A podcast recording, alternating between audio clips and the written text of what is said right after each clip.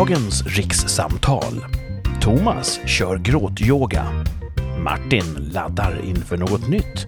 Och jag är negativ. Dagens gäst har en dålig lampupplevelse. Dessutom topp 5, 2 av 3 och extra allt.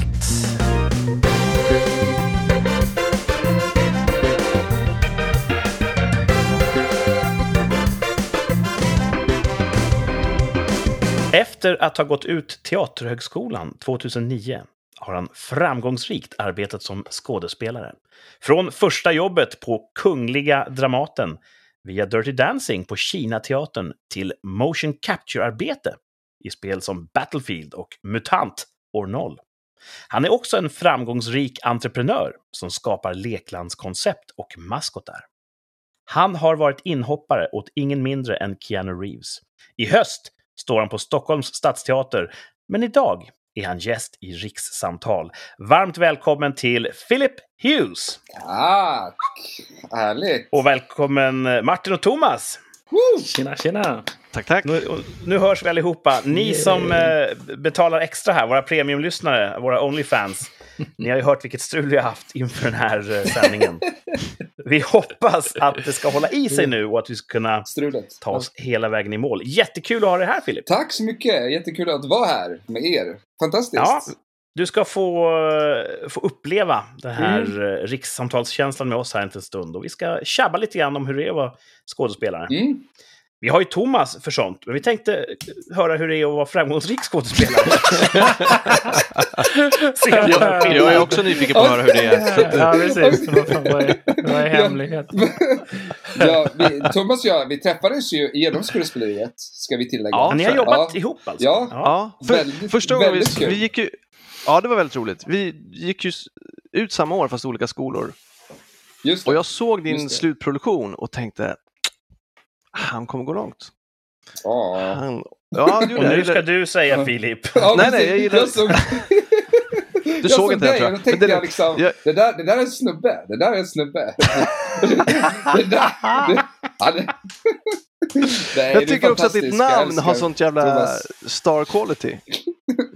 Philip Hughes, Ja, det ser ja, man ju för fan. Men jag måste Vad heter säga... du egentligen liksom? Exakt. Ja. Mr Huge.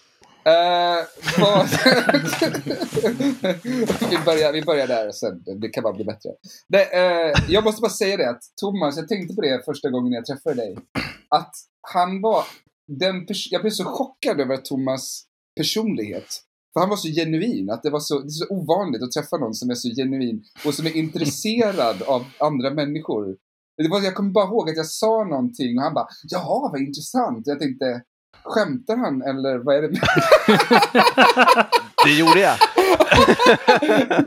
Men, det är en eh, intressant observation, för att branschen, ja, som vi alla mer eller mindre rör oss i, den kan ju vara lite sådär... Eh, eh, ja, ja. Lite konstlad Ja. och så. Ja. ja, Det, Thomas är någonting unikt där. det tycker jag. Och Filip. Ja, ja. När var, när var det då? Var, var, det när vi, var det 2009 eller var det senare? Nej, nej, det var faktiskt- ju när vi jobbade ihop i eh, Ringare. Ja, det var då jag... Ja. Precis. Jag vet inte, sågs vi innan det? Där vi, jag tror inte vi snackade innan. Vi sågs för och hälsade för att vi Ja. var parallellklasser, men jag tror aldrig vi... Jag tror det var då vi snackade. Det var då Ja, vi kände varandra, om inte annat. Exakt, exakt. Och eh, ja, det var bara en eh, väldigt, jag tänkte på det, härligt. Så att jag var så chockad över din, att du var så genuin. Ja, kul Men som vi tack, hörde kul i, eh, i introt här så, eh, ni gick ju bägge två teaterhögskolor Mm. eh, med utgångsår då 2009. Mm. Om vi Mm. frågar dig då Filip, före Teaterhögskolan, hade du ett skådespelarliv före dess? Jag hade det. Jag eh, började med amatörteater i Jönköping, där jag kom ifrån. Eh, tidigt. Och höll på och var jätteseriös. Alltså redan från tidig ålder. Ehm, 12 kanske. De, fle- de flesta i, i gymnasieteater är ju väldigt seriösa. Ja, jag gick ju inte i Men, i men kanske inte så duktiga. Nej, jag tyckte faktiskt det var, alltså estetlinjen på gymnasiet tyckte jag var för oseriös. Så jag gick, sökte aldrig in där. Ja. Eh, för jag tyckte att det var liksom, verkade inte så seriöst. Och så jag tänkte Mm. då går jag något annat istället. Och Ja, eh, Så det var efter gymnasiet du hamnade i amatörteater? Eh, nej, innan. Alltså som barn. Innan? Ja. Ja, oj, och, så pass? Ja, och sen så på gymnasiet, eller så spelade jag teater samtidigt som jag pluggade vanlig liksom, samhäll internationell. Ja, det hade kanske varit att gå in på, på alltså, ingångsnivå igen och gå en sån estetlinje, så att det kanske var lika bra att hoppa över den. Ja, jag kände väl så då. Att jag tänkte, de, Ja. det är så många som ändå inte är så seriösa där. Så då, då, då struntar jag i det. Så kör jag en pjäs på sidan av istället. Gör När stod du på scen första gången? Då var jag nog, ja men runt 10 kanske. Något Ja. sånt. Tuffe Uffe minns jag att jag spelade. Var det din, din karaktär? Ja. Bra roll. ja. Thomas, när stod du på scen första gången? Ja, det beror på. Alltså, räknar man så här Lucia-tåg och sånt som man gick på dagis? Nej, Vi, gjorde, det gjorde man inte. för vi måste, vi måste tänka högre. Okej. Scen, ja. ja. Jag spelade ju också Alfons Åberg på dagis, men det var också en sån avdelningsproduktion. Vi spelade från andra avdelningarna. Men annars, så den brukar jag ha som första teaterminne. Men Ja. eh, annars så var det nog Spexet i, inför sommarlovet när man gick i åttan eller nian eller något sånt där. Mm. Spelade ni i aulan? Ja, För alla andra för klasser? man, ja precis. För Ja. skolan tror jag, för alla klasser. Mm. Såg vi det, Martin? Jag kan inte minnas det, men det borde vi ha gjort. Då, då var, men då var det väl när jag gick i nian då, och ni hade gått ut. Ja. Ja, just det. Men var, var du en spexare, Thomas? I, alltså i, i skolan? Typ En klassisk clown? Ja, ja på spexet. Ja. Alltså, jag, jag, jag, jag vet inte om jag var klassens clown, så jag var lite, lite blyg och lite utsatt av de andra klasskamraterna. Eller utsatt ska jag inte säga, men jag var inte, jag hörde inte till Så jag försökte väl hålla låg profil tror jag. Ja, okej. Tror jag, jag vet inte. vad- Flyger Det kanske... Mm. Ja, andras intryck kanske är att jag får ett jävla liv liksom. Men jag, som jag minns det så var det på spexen och i teatergrupperna som jag i sådana fall spexade. Levde ut. Jag tror jag började i lågstadiet. Då minns jag att det sattes upp någonting i Ekhammarskolans aula. Mm. Och då spelade jag en kille i collegetröja. Det är typ det jag minns. Jag går in i en scen och typ, jag gör en sån typisk jävla walk-on. Och går in och bara... Hörni, lägg av med det där. Boom! Det var det jag hade. Leverera. En replik, typ. Ja. Det är mitt tidigaste minne. Men sen jag, Thomas och Martin... Jag och Thomas gick ju i samma dramagrupp, kan man säga, på Mm. gymnasiet. Det var så vi började eh, spela teater ihop. Mm. Och, så, och då sög vi in honom i mitt och Martins filmimperium. Eh, imperium. Mm. Fick han vara framför vår kamera eh, och göra en del filmer. Ja. Eh, och sen dess har vi inte slutat och varken umgås eller filma. Kul. Vad är det ni filmar nu? Just nu har vi slutat filma. Men vi pratar om att återuppta det. God damn. Ja, Jag brukar alltid säga det Thomas, man har inte förlorat förrän man har gett upp. Så att, tekniskt sett så, så har vi inte slutat. Vi har bara ett långt ja, uppehåll. ja. ja. Men du, du, du, Kurt, du osar ju mediaprofil på något sätt. Du har ju någon, eh, någon sorts aura.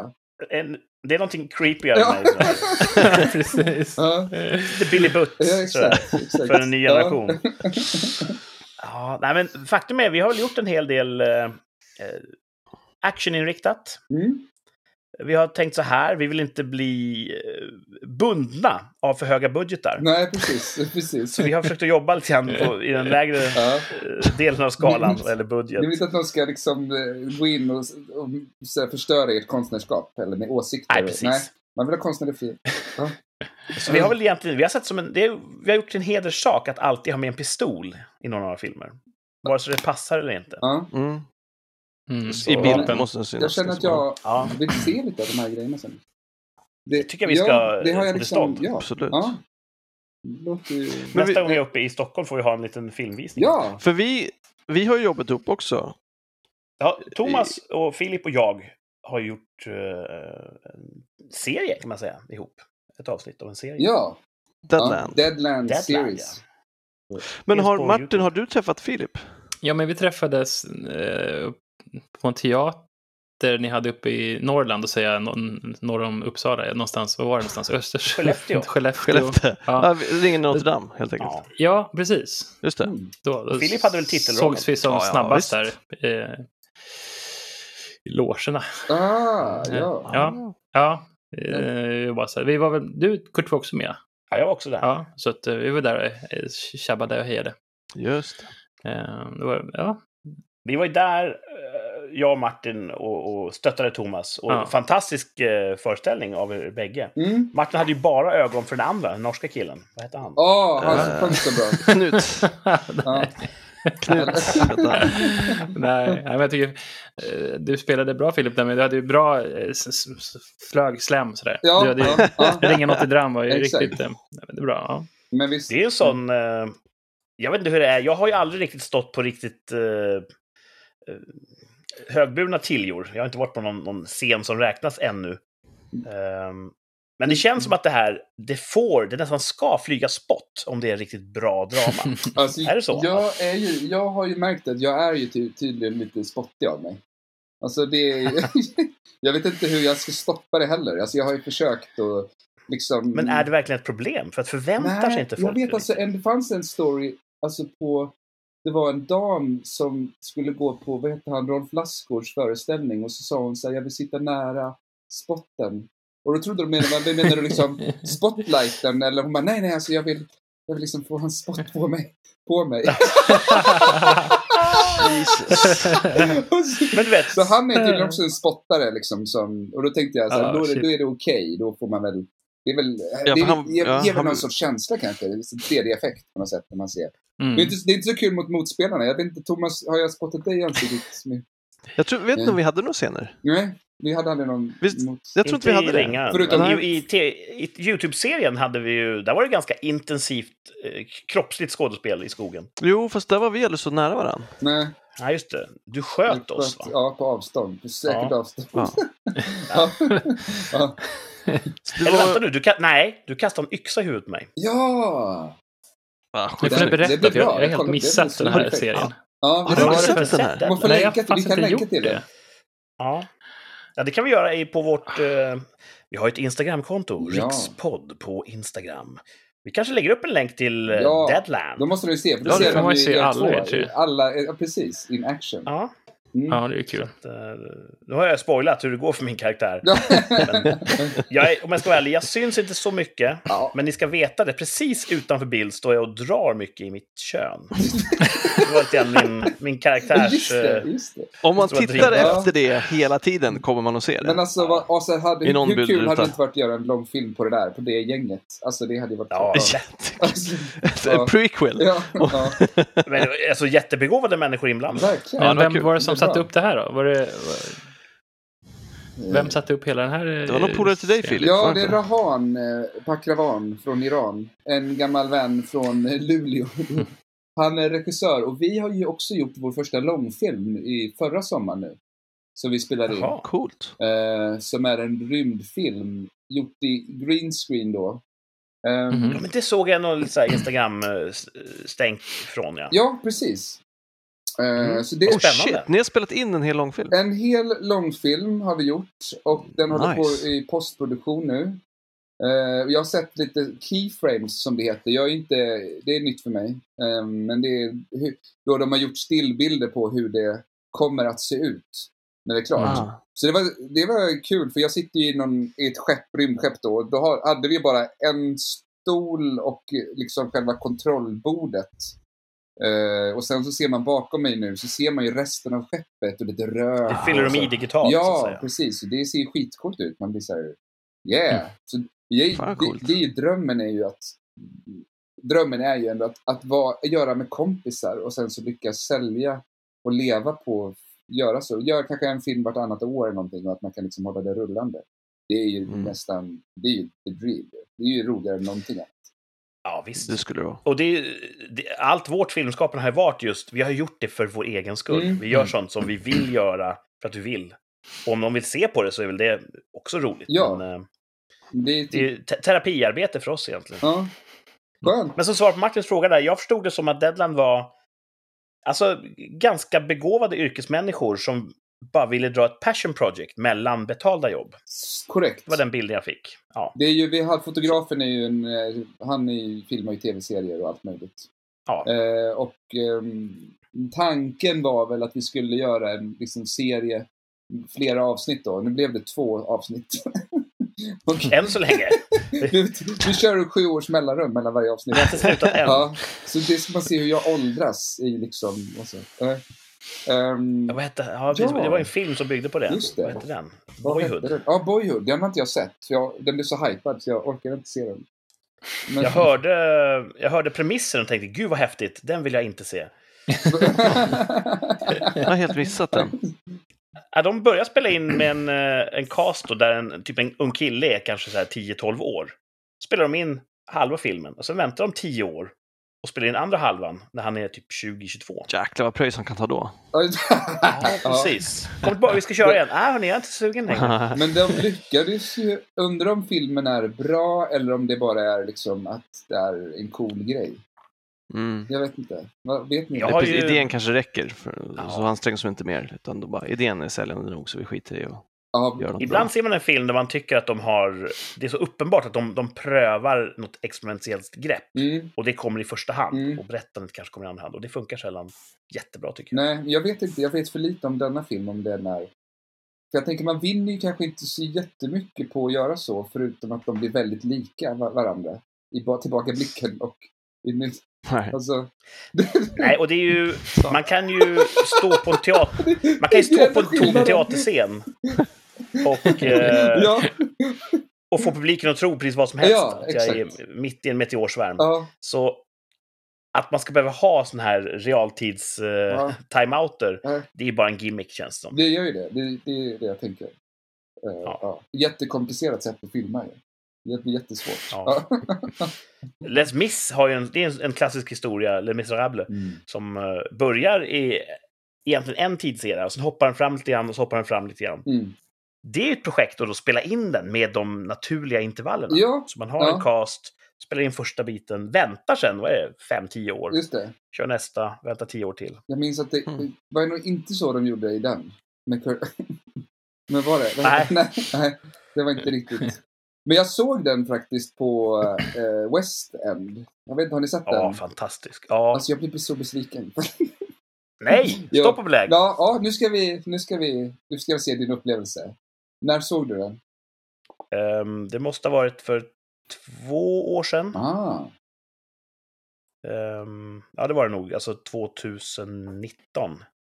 mm, Jag hade varit och jobbat i London mm. och eh, valde att flyga hem en natt senare. För jag trodde att jag kanske skulle hinna klart så jag kunde ta en, en kvällsföreställning utav den. Ah, Jag älskar den musikalen. ah. Så, och det, det föll sig väl, så jag hann dit. Så jag gick dit första parkett, alltså apropå spot, så satt jag verkligen längst fram. Knäna slog i scenkanten. Det var inte alls en Oh. bekväm plats. Men totalt värt det. Mm. Ehm, när såg du den? Ehm, flera år, måste varit nästan tio år sedan kanske då. Något sånt. Hmm. I alla fall åtta år sedan. Men det var ju så, då, jag tror att det var så, jag var så nördat ner mig i skådespeleriet. Jag tror att det kanske var i samband med scenskolan, då är man ju lite skadad. Ja. Eh, så det som jag, sången var jättebra. Men jag blev så irriterad att alla spelade före, som det heter. Det var ingen som lyssnade på den andra i scenerna, utan de sa sina repliker. Ungefär lite som så här, det här har vi gjort eh, hundra gånger, vilket de Ja. hade gjort också. Säkert Mm. mer. Eh, det var liksom en torsdag för dem, och de drog av det. Så det var lite så det kändes. Eh, Det kan ha varit en speltrött ensemble. ja, det, det, är så, det, det är det. Som, Plus att det är ju... um, Jag, blev så, jag kommer ihåg när det blev, eh, när det blev en kärlekssång så blev jag så här, åh gud vad skönt, äntligen så saktar de ner tempot och landar lite i...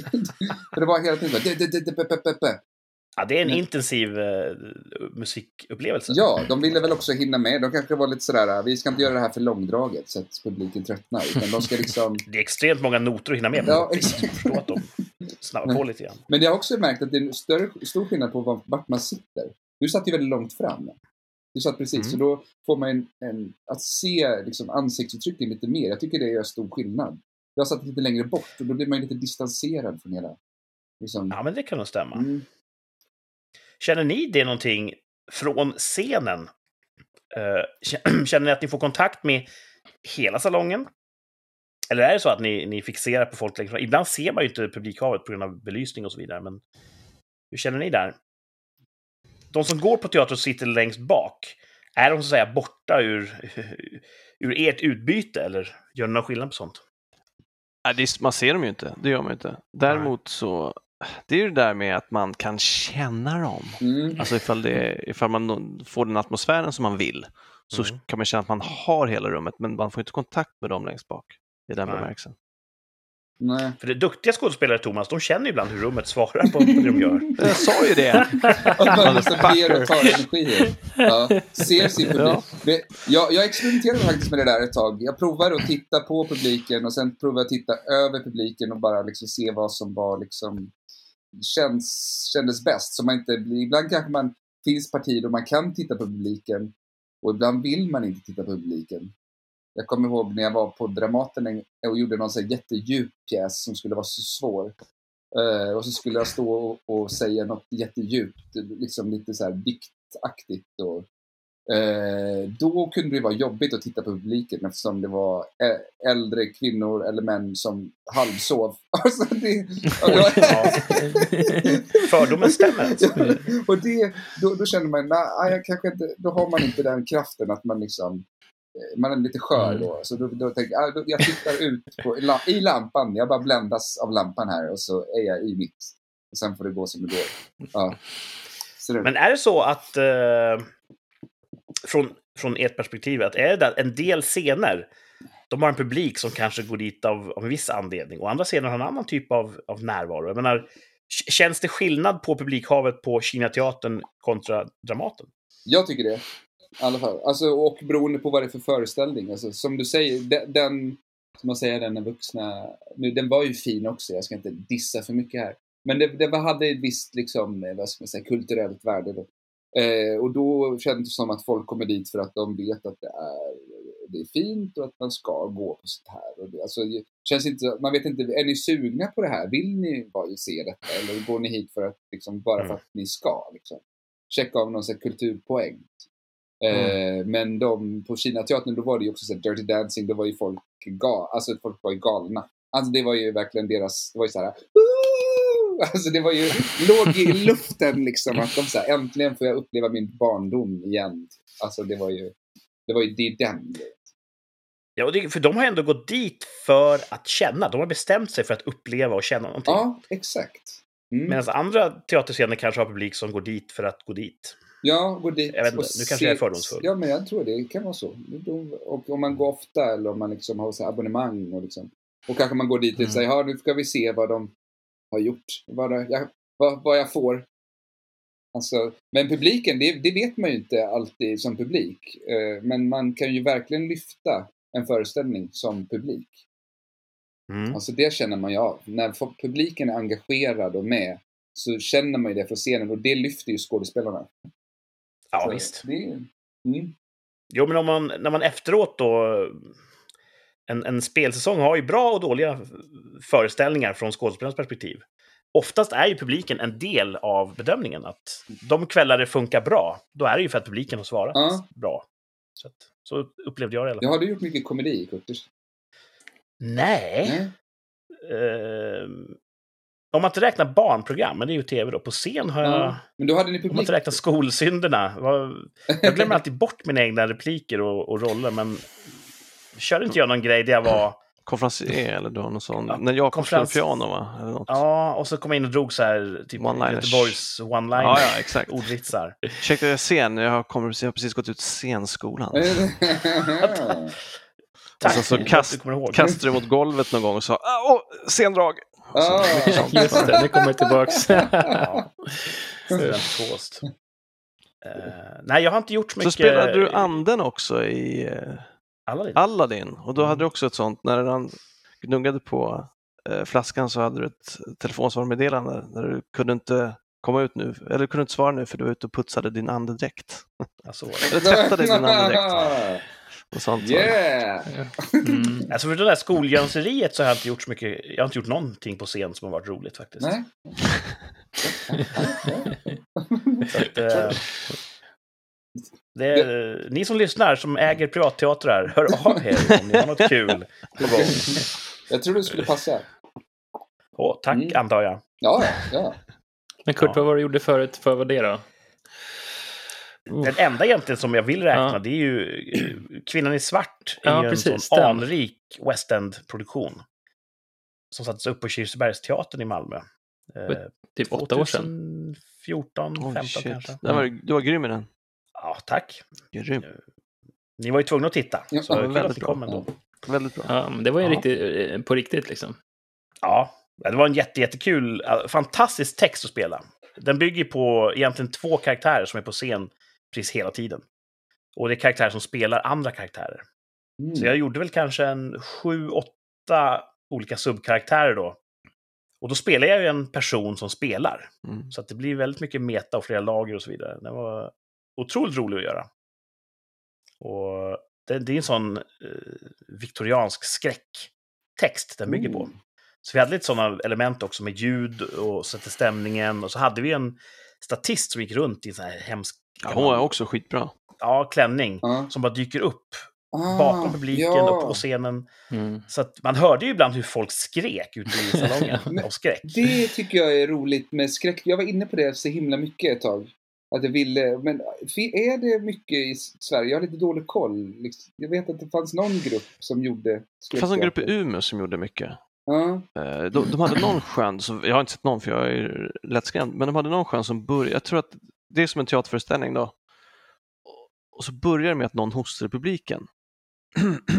och så är det fler och fler som blir sjuka i publiken och så är det en zombiesmitta så de evakuerar hela publiken och så Mm. kör de ut med bussar någonstans i skogen och så fortsätter föreställningen fast då är det inte det som började på scenen utan då är det istället någon sorts zombieskräck. Oj, vad... det låter väldigt avantgarde. Ja. Det jag, så, så de är duktiga på det där. Men Thomas eh, och Martin för den delen, blev ni rädda av Kvinnan i svart? Ja, Den var läbbig. Ja, men det var ju kul att se. Alltså det var ju, det var någon sån här litet, eh, liten teaterförening som satte upp den där va? Eller, Ja, det var en, en privat eh, Ja. kille som eh, producerade och regisserade ja. det hela. Och som sagt, det är ju en, en tvåmannaensemble plus Mm. statist. Ja, det var, det var jättekul att se, mysig alltså. skräckstämning. Alltså man satt i en mysig skräckstämning som man gör ibland när man tittar på. Och också ganska minimalistisk scenografi, så att vi fick ju Mm. berätta då med, med publikens fantasi och visst stöd av, av ljud, ljud och ljuspålägg då. Så det kändes som Mm. ändå som, som klassisk teater, Mm. att Mm. eh, vi hjälps åt nu, publiken och vi, med att bygga den här historien. Mm. Så, eh, Mycket bra. ja. Men med det sagt så, jag har gått på ganska lite teater i mina dagar. Ja. Jag går hellre på en bra biofilm. De gånger jag har gått har varit typ med skolan när man var yngre. Mm. Och några uppsättningar i vuxen tid. Eh, när det har varit så här verk man måste se, typ Kung Lear med Börje Ahlstedt och sånt där. Men ofta så känner jag att Nej. det tar lite för lång tid. Ja, det är, Lite, ja, lite för långa det är föreställningar. lite för lång tid. Det tycker jag, har jag också Ja. tänkt jättemycket på.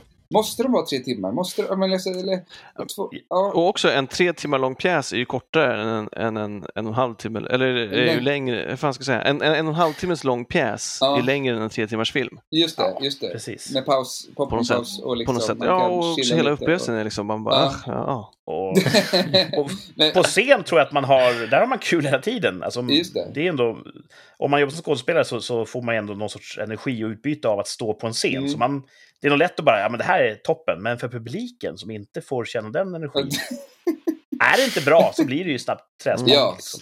Så här, jag kan tycka ett att eh, jag gillar Jag- de här en och en halv timmes pjäser. Ja. ja det, är skönt, det är skönt när det inte är paus, att man vet att det, Ja. det får plats på en akt. Det är Ja. nice. Alltså. Eller om det är typ en timme och sen paus och sen kanske det är 45. Det är perfekt tycker jag. Tycker du det är perfekt? Ja. Ja, ja. ja. om det är en bra pjäs. Ja. Ja. Ja. Jo, för då är det så här, Jag då ser du ju- första timmen. Nej, säg, säg, säg. Ja, då ser, du- men du ser den första timmen, du hinner få allt upplägg och bla, och så blir det precis spännande i slutet. Sen så har du liksom lite paus, sträcka på benen, ta lite dricka. Och sen kommer ju liksom belöningen sen i liksom 45 minuter. Alltså, och det, den är lite kortare än först. Så du vet att det, det är inte Ja, det är riktigt skönt. lika lång tid. Som det, och att det blir som mest spännande i, i det. Liksom. Så det, det är så jag ser det. Ja. Så det, man vill ha gjort mer än hälften när det är dags för paus. Så är det ju. Man vill ju. Men jag såg ju det allra viktigaste fem gånger och den tror jag var fyra och en halv timme eller sånt där. Oj. Den var ju så bra. Jäkla bra. Ja. Såg du den också? Ja, Ja. Ja, ja, du eh, övertygade mig. en av gångerna. Ja, Mm. den var ju fantastisk. Alltså. Jag tror Ann Petrén, va? Ja, Mm. det är hennes kanske genombrott. Hon spelade ju den Jaså? karaktären när hon delade ut något Guldbaggepris och sådär. Mr Smith. Mm. Mm. Men då Ja, var var det väldigt bra. bra. helt Men det är ju ett undantag. Ja, ja, det är ett undantag. Mm. Det var otroligt. Och man bytte plats också. Jag tror man satt på tre olika publikplatser. Ah, så man fick gå se, de hade tänkt Mm. till. scen. Ja. Mm. Men det är väl Ja, det, man skitbra. tänker på publiken. Då vet man, ja, men då behöver de röra på sig lite så kommer det bli Mm. kanal. Ja.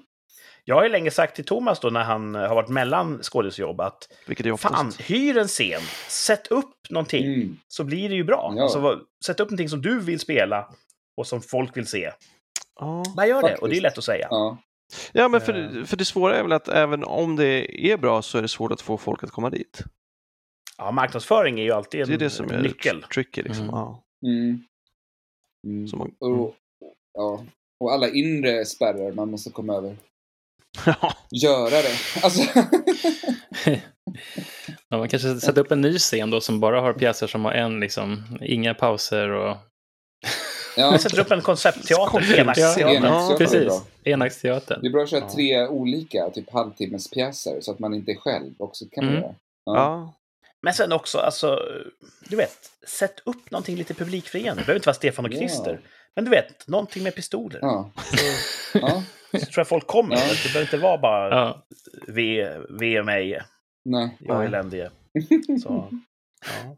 Men har du, Filip, upplevt att det har varit eh, tufft att hitta jobb? Eller har du glidit från... eh, Nej, jag gled lite i början, gl- gl- skulle jag inte säga glida kanske, men eh, det gick lite på räls i början och då slappnade man ju av. Fast det gjorde jag i- handen på hjärtat aldrig heller. Men man, man hoppades väl bara att det skulle bli, fortsätta. Men sen så blev det någon, liksom bara paus.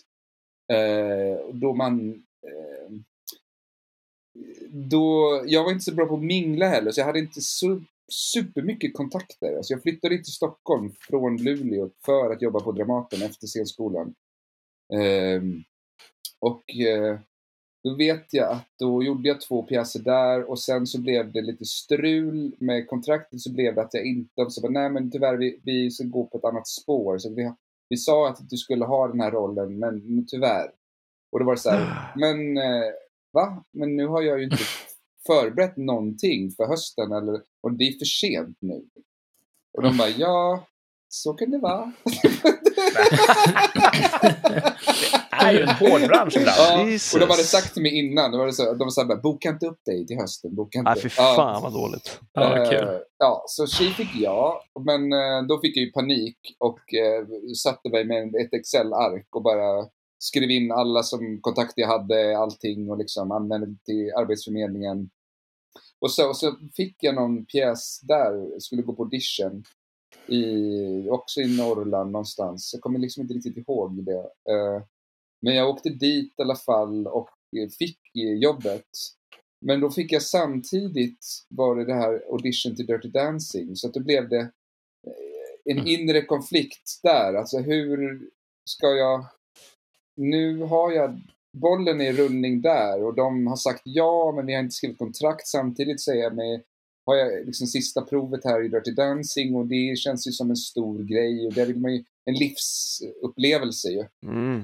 Eh, Så då hade jag ju, och sen så, så tänkte jag, ja men folk verkar ju vara lite godtyckliga med sina löften och alltså, så, så det blev ändå så att jag fick till sen på Dirty Dancing och då, och då, då sa jag det att jag, tyvärr nu har jag fått det här så att det krockar visst. Och så bara blev jag ghostad av den, den andra teatern då. Det var, Åh, de, de ja. fick ont, det blev ont blod där. Ja, ja, jag brände den bron rejält. Så. Du har inte hört av dem sen dess? Sen dess nej, sen blev det tyst. Så de svarade inte ens när du sa att du hade fått ett annat? Nej, nej, nej. nej. Ja, det är också Eh, lite var- Men det är också det, det här barnsligt. underläget man alltid känner att arbets... Alltså att det är alltid de teatrarna och de andra som kan behandla dig hur de vill. Men så fort du Mm. själv gör samma sak så är det ont blod. Och Mm. jag menar, jag, det var inget kontraktsbrott. Det var ju liksom, alltså så... Nej, nej. Eh, så det, det gör en lite också osäker. Alltså det blir väldigt mycket att ta in när man är nyexad och eh, som jag var själv i Stockholm och alltså då ska du bolla allt det där liksom. Eh, klurigt. När det gäller skådespeleri så är det ju tyvärr köparens marknad. Man är ju ganska utsatt som, som skådespelare gentemot de som köper Ja, skådespeleri helt enkelt. ja, precis så är det ju. Tills man eh, blir eh, ett snäpp upp då. Och då vill, Ja, behöver ju alla en för att göra sin pjäs. Vid en viss nivå så bara vänds spelbrädet. Ja, exakt. Mm. tills- Hur långt har du kvar dit? Vi får se hur filmen går. Ja, Ja, och det är ju Just så. det. Va, nästa produktion kan ju bli den som vänder på det är spelbrädet. sant. Så är det ju Det alltid. vet man aldrig. Mhm. Nej. Det kan ju alltså folk som har kommit långt, det kan ju ha varit helt otippade produktioner som blev deras stora genombrott. Mm, Det vet man inte förrän, förrän efteråt. nej. Och nu har jag ju... Men eh, släppt- Thomas, du har ju eh, du har ju berättat att just när man är mellan jobb så kan det vara oändligt långt mellan samtalen. Och sen kommer flera produktioner samtidigt. Och man måste Mm. välja. Eller man kanske inte ens har möjlighet att välja. Så saker kolliderar. Ja. Och det är ju också rätt typisk aspekt. Att, eh, när, när det väl, när det väl eh, regnar så öser det ner. Ja, då måste man... eh, tacka nej till något. Mm. Det är störigt. Har du fått tacka nej till någonting, Filip? Eh, ja, jag tackade du- nej till eh, eh, två olika pjäser en gång. När, det var i samma veva med Dramaten och då... Det var också sådär att det var en, en regissör som jag kände som tyckte jättemycket om mig, jag tyckte jättemycket om honom, jag älskade hur han arbetade. Det skulle vara att så här, han, gjorde, han var jättebra på fars, alltså tartuff, Ja. eh, alltså bra fars. Så. Ja. Eh, och, jag, och sen så var det liksom att han hade Pjäserna var hela tiden, krockade hela tiden med de pjäserna som jag skulle göra och redan hade tackat ja till. Så han ringde mig två, två gång- gånger. Jag, först tackade nej då, så att Sverige så här, jag har en annan pjäs nu och jag flyttar till Stockholm så jag är gärna kvar här i Stockholm. nu. För att det var i Luleå jag skulle spela. Och sen så Mm. ringde han en gång till och sa nu har jag ett jättestort projekt här. Det är tre pjäser i en. Så här, så att, och jag bara, det låter jättespännande men just nu så har jag en till. Och då han skrattade han och ja, ja, nu är det sista gången jag ringer. För att, ja, så då blir det ont blod igen. Alltså, alltså och det... För att, du, för att du var uppbokad. Ja. Alltså var, där hade du inte ens, du hade ju inte ens börjat med att undersöka arbetet eller Nej. liksom något förarbete eller sökt eller ens, han kontaktade dig och bara ah, just nu är jag upptagen, ja då okej. Ja. Alltså det är en konstig inställning. Jättekonstigt. Det var liksom så här, ja, nu, nu vill jag inte ge dig mer. Nu har, jag, du har, nu har du dissat mig två gånger. Typ den, man bara, men, fast det är ju inte så. Jag, har, jag Nej. säger ju att jag, jag tycker om det, jag vill ju arbeta. Men alltså, det är jättekonstigt. Och är man lite Och det var gången han hörde av sig. Jajamän. Ja, Ja. det var, Shit. så. Ja. Men jag, hade, jag kunde ju hört av mig till honom då, kanske skulle man gjort så då. Och varit så här, Ja. ah, ja. Men det var, det, det bara, jag tyckte det bara var konstigt sagt. Ja, det är Konstig- konstigt. Ja, det är det. ja, istället för att vara tråkigt så här, men hör av dig liksom så ser vi vad vi kan, om vi kan hitta Mm. något annat projekt framöver så här. Man behöver inte lova någonting eller, det var jag Nej, gärna jobba, jag bryr mig inte, det kunde varit vilken liten eller stor roll, det spelar ingen roll. Det hade varit kul att jobba, men um, ja, ja, folk är känsliga. Mm. Det är ju en bransch som på gott och ont blir en ankdamm. Ja, Så, och mycket, och folk är ju lite också skådespelare, vi kan, man kan ju vara lite känslig. Det är inte riktigt Mm. så här business som andra, i business så är det liksom mer opersonligt. alltså, man är, ju, man är ju produkten man säljer, så att, att få ett avslag är ju, det känns ju Ja, förstås. Mm. Det är ju... Om någon säger den här tunnan med morötter, den är rutten, ja, ja, Ja. då odlar jag nya morötter, men du är rutten. Det, det, det är tuffare att, att få höra. Ja, Ja. det är det. det, är det. Ja. Vi ska strax fortsätta att utforska här eh, ditt, ditt, ditt, ditt liv och dina gärningar. Mm. Men du har säkert hört eh, något avsnitt av rikssamtal tidigare. Vi har ju en del stående punkter. Och det slog mig just. Vi kastade oss över det här samtalet så, så hetsigt så vi glömde bort eh, och kolla hur allas vecka har varit. Jag tänkte vi ska ta en snabb eh, liten en paus. En, eh, vi bryter akt 1. Mm. Och så kollar vi hur alla, allas vecka har varit. För det brukar vara ett populärt inslag i rikssamtal. Och då brukar vi, alltså, vi berätta vad som var toppen i veckan som gick och vad som var botten. Och då får vi också höra om Filip har någonting, Eh, om man har någon botten i sitt champagneströdda liv. eller det bara är, är flärd och glamour. Thomas, hur var din vecka? Eh, b- bra. Uh, vi, det här, jag hade ju liksom som topp förra gången, så det ska jag ta den här gången, men det har varit ett fantastiskt väder. Ja, Så det har ju varit eh, solpremiär och Schwarzwaldtårtan är ju slut, men jag har köpt tre pack glass, så jag käkar glass på balkongen istället. ja vi har identifierat, du har ju börjat lägga till med samma ätstörning som jag har haft framgångsrikt under många år. Ja, Så det är- ska bli intressant att följa din viktkurva här. Ja, tid. Ja. det, det ska det verkligen bli. Ehm, men eh, botten, det här är också, jag har haft den här botten förut, men det blir yoga igen. Eh, Mhm, jag, ja, kör ju, har ju kört här efter jobbet ett kort pass framför YouTube. Och det är så fruktansvärt frustrerande. Eh, och de är så jäkla självgoda de här eh, instruktörerna liksom. Eh, och bara, ah, vrid på huvudet till vänster som du får en eh, puss på nacken. Good morning, hello. Alltså de är så, är så och jag blir så provocerad och irriterad och det är svårt och det gör ont. Och de säger andas in och sen så berättar de massa saker och sen säger de andas ut. Och då undrar jag, ska jag ha hållit andan under den här perioden? Eller and, alltså, det är för mycket info på för kort tid. Det är svårt att hänga med.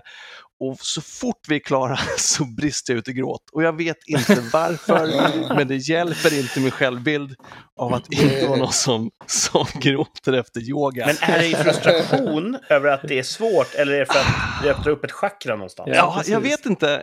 Jag vet inte om det, för det kan ju vara det, är det andningen? Eller är det att jag är frustrerad och känner mig fucking kass? Så då, när de säger bra jobbat allihopa från djupt av mitt hjärta så blir jag feber. Jag vet inte. Jag vet inte. Ja. Det är bara... Yoga är botten. Ja, ja, jag, jag är inte alls sugen när jag hör det här. Nej, det är fruktansvärt. Jag vill spara mina tårar. Ja, de behövs till riktiga saker sen, kan Ja. man tänka sig. Martin, hur var din vecka i jämförelse? Alltså, den har ju varit ganska okej. Ja, Det började med lite, vi, förra veckan så vaccinerade vi oss mot ehm, fästings, vad heter det, T, B. TBE? TBE, TBE. tack. Eh, och så dottern, äldsta, fick lite, ehm, jag tror att hon fick, på grund av den här fästingsvaccinen så fick hon feber tror jag, så hon var hemma några dagar. Ah. Så tänkte vi, vi kanske kan dubbelkolla här, vi tar en covid-test på henne. Eh, och alltså, jag, jag trodde inte jag var så himla, jag är ganska härdad eh, som familjefar sådär, att man byter blöjor och får bajs på sig. det är inte så farligt, men peta dottern i näsan och, eh, med en tops, det var tydligen där min gräns gick, men det gick, det gick bra ändå till slut. Sådär. Eh, covid-testet är ju lite, lite speciellt. Eh, så, men det var ingenting, så att hon var hemma några dagar. Sen så jag är arbetslös har jag varit, jag såg fram emot det jättelänge. Jag ska byta jobb, jag börjar ett nytt jobb imorgon. Eh, så jag har sett fram emot de här dagarna liksom, som, som jag ska fixa det sista hemma och bara chilla. Liksom. Och så givetvis så är förskolan stängd och sen så, du vet, det ena och det tredje och sådär. Så det har inte blivit så mycket fixande som jag hade hoppats på, men lite har jag fått till i alla fall. Ehm, men idag... Men du känner dig laddad inför morgondagen? Karriären? Ja, hyfsat. Um, vi får se, jag tar det som det kommer lite grann.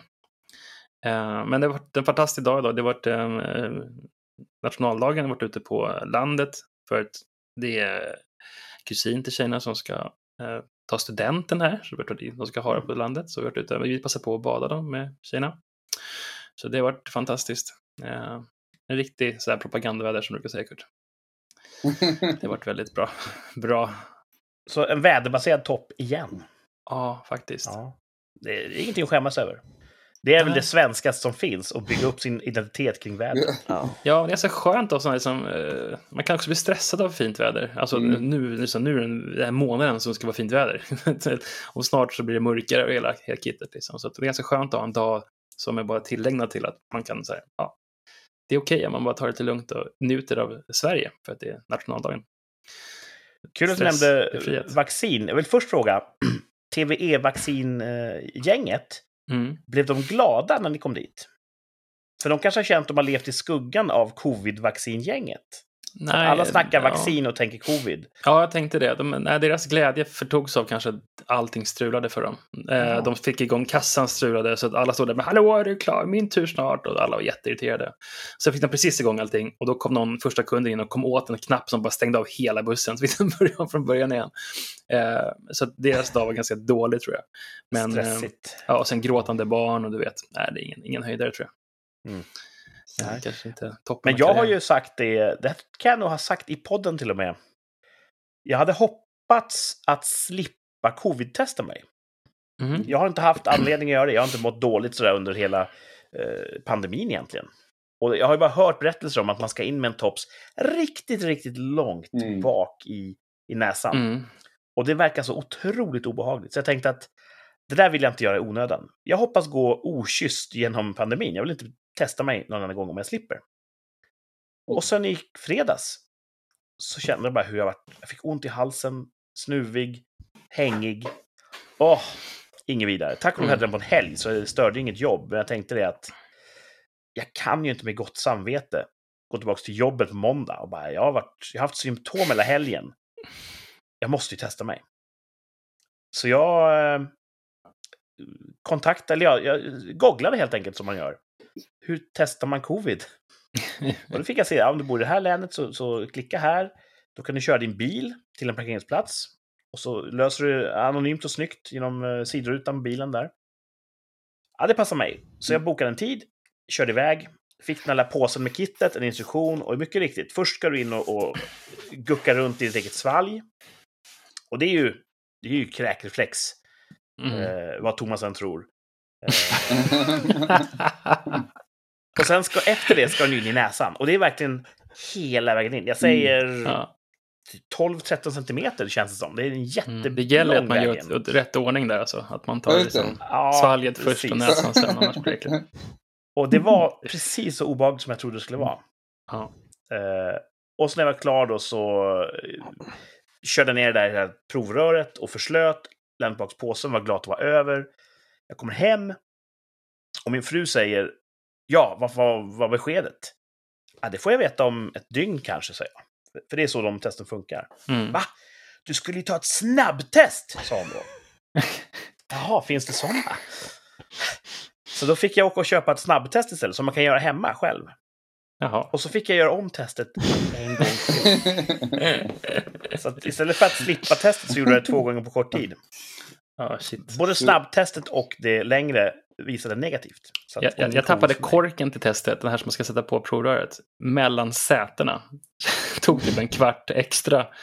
Eh, för att jag ja, låg på alla Har du också fyra. gjort det i bil alltså? Nej, det var på dottern där. Så skulle precis så bara föll den rakt ner, bara totalt försvann liksom. Löste de det? Nej, jag, hitt, jag hittade efter en kvarts letande. Det måste ha varit duktigt kontaminerad. Av, Ja, precis. Du har inte covid, men du har... eh, Rabies. ett, två, tre, fyra. Liksom. Hur gammal är dottern? Ahlgrens... Hon är nio.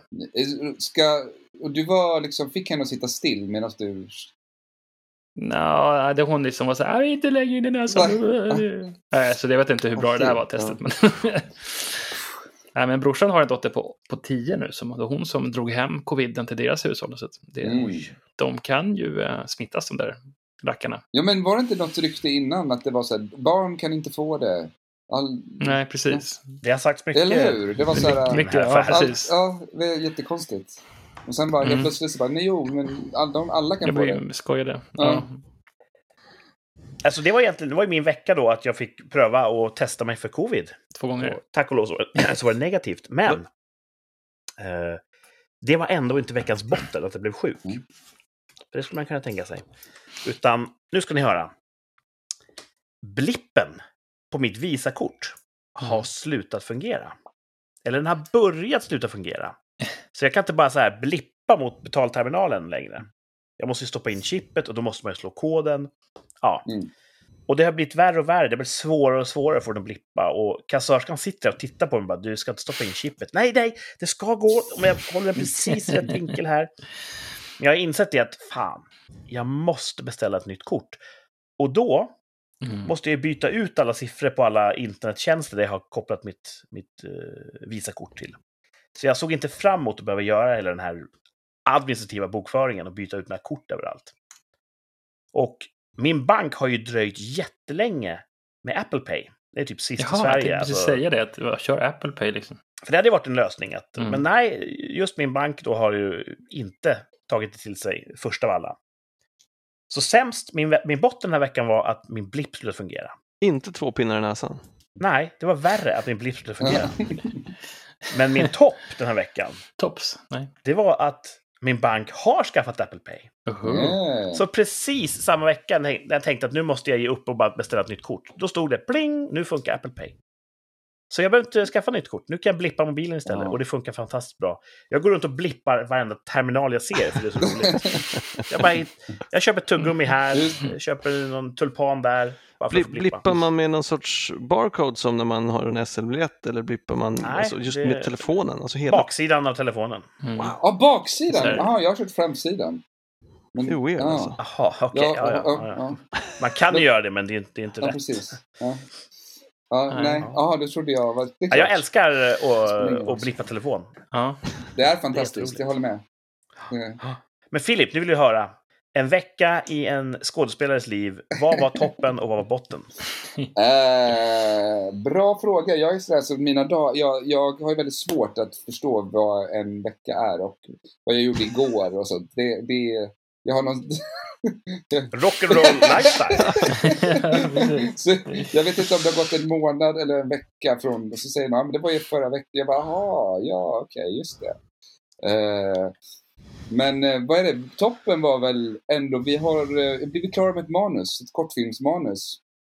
Åh. Som eh, Paramount Plus, det ska gå på någon webbkanal som de har köpt in ett gäng kortfilmer. Aces. Så, Vad härligt. eh, ja, eh, sen, sen har... Behöver ni en komisk eh, karaktär? Ja, men varför inte? Vi, vi behöver lite folk. Jag kan, eh, jag ska se. Men sen, jag har, nu har jag fått feedback då också. Det var väl bot, så det var toppen och sen blev botten. Att det var inte riktigt så färdigt som jag hade önskat. Så, Ah. så nästa vecka så blir det ju återigen att eh, kavla upp ärmarna och, och eh, ja, jobba klart det helt enkelt. Men ni får en chans att rätta till det i alla fall. det är Ja, bra. det är jättebra.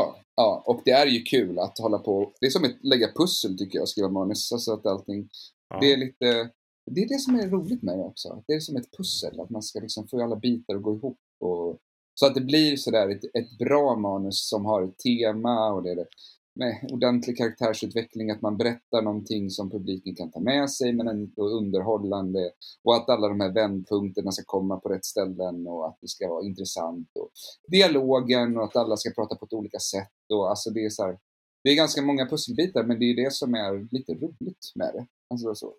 Mm. Um, Man förstår ju det, man anar lite grann i din, eh, i din påa i det här avsnittet, men eh, ditt entreprenörskap lyser ganska så tydligt. Eh, det känns som att du ändå försöker att, att, bli herre över ditt eget öde. Du verkar ju säga, istället för att vänta på att få ett jobb så skapar du jobb åt dig själv. Det är den bilden man får. eh, ja men det, det är så det har eh, varit. jag. Ja. Du har ju bland annat tagit fram Lekland. Ja. Ja, Hur, hur, hur gör man det? Ja, det, det här är faktiskt till alla entreprenörer eller blivande entreprenörer eller alla som... Det är ju faktiskt så att man kan mer än vad man tror. Och, och att det här klassiska, det ur kriser så växer du dig starkare. Eh, det var ju verkligen sant, för att det var, jag hade ju en period, jag hade inget jobb, eh, kände mig helt värdelös och eh, hade inga pengar. och, så, och då, var då jag blev besatt av Tony Robbins och kollade alla hans eh, videos på YouTube. Eh, hur man liksom... V- Vem är han, för de som, för de som inte vet? Ja, det är en livs, vad ska man säga, coach kan man säga. Han har Ja, hållit på i flera, flera, flera år han är väldigt bra på att motivera folk, eh, på att hjälpa till med tankar, hur du ska liksom tänka om dig själv och kring, all- alltså för att du ska ta action och eh, eh, en bra boostare helt enkelt i entreprenörskap och generellt, liksom, han har ju jättestora seminarier nu. Va? Och så har de delat in vet, livet i så här, relationer, hälsa, eh, pengar, alltså så. Är det han, The Secret, det är inte han? Eller? Nej, det är inte Nej. han. Han är väl, Mm. han säger väl att det är ju trevligt om du liksom som kan se ditt mål och, och sånt, men han menar att du ska inte vänta bara på att saker ska komma sådär, utan du måste också ta action att få dem gjo- gjorda, liksom, agera med För det gör jag, jag väntar ganska mycket. Ja, ja, men det är olika skolor. Och det funkar inte. Det kan ligga någonting i det. ja, jag tycker att det är en mix du, av eh, båda. Men du, du tog tag i saken då, inspirerade honom? Och, Ja, eh, och då började jag ta kontakt med en kompis, en annan kollega som också hållit på med, ba- med barnteater. Eh, varit programledare på Bolibompa när han var liten. Ehm, och, eh, och så snackade vi lite och så sa vi så här, men kan vi inte göra så att vi gör barnteater för eh, köpcenter? Eh, bra barnteater istället för att det är någon så trött clown eller liksom alltså att man, man målar ansikten. Alltså, alltså att man säger varför inte bara komma med något interaktivt härlig föreställning som där barnen blir engagerade. Eh, för min mamma också, hon var centrumledare så jag har ju vuxit upp med att vara på köpcenter och typ vart en Ah. tomte och allt det där. Um, varit på modevisning, alltså sådär att man typ agerar skyltdocka, att man står still. Alltså sådär, jag har liksom hjälpt, haft lite såhär gigs hos henne så. mm. Ehm, så det var du, du, tyckte dig, du tyckte dig känna till den publiken? Exakt, den världen. världen och vad Mm. behovet hos köpcentren. Just nu också med eh, internethandel så blir det också hur, varför ska de inte handla på nätet? Alltså då är det så här, ja men om du, du kan gå dit med dina barn och dricka en latte och kolla på lite kläder på H&M samtidigt som de blir underhållna. Alltså då är det ju en, det finns en anledning att ta sig till köpcentret. Ja. Så då tänkte vi väl lite så. Så då skrev vi ihop en, eh, ett, en A4 med en föreställning som heter Ljugtomten och klappjakten.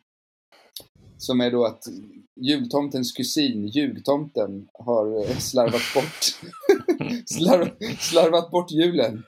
Eh, han, alltså han fick Tidlöst igen. Ja, och Mm. eh, sen så måste han eh, lära sig att, att han duger som han är och han inte behöver ljuga för att få uppmärksamhet.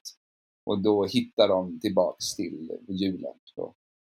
Eh, Vilken, och, och, inga, inga spoilers, men, men det går bra till slut. det gör det, det gör det. Han lär, ja. Ja. Men så då började vi sälja den då till olika köpcenter och spelade själva i den då. Så vi varvade, en var Nisse någon gång och en var jultomten. Och Nisse var han, blev mobbad av, det var lite den här, äh, vad heter han, vad heter, Rena Rama Rolf, vad heter han, Kurt Olsson.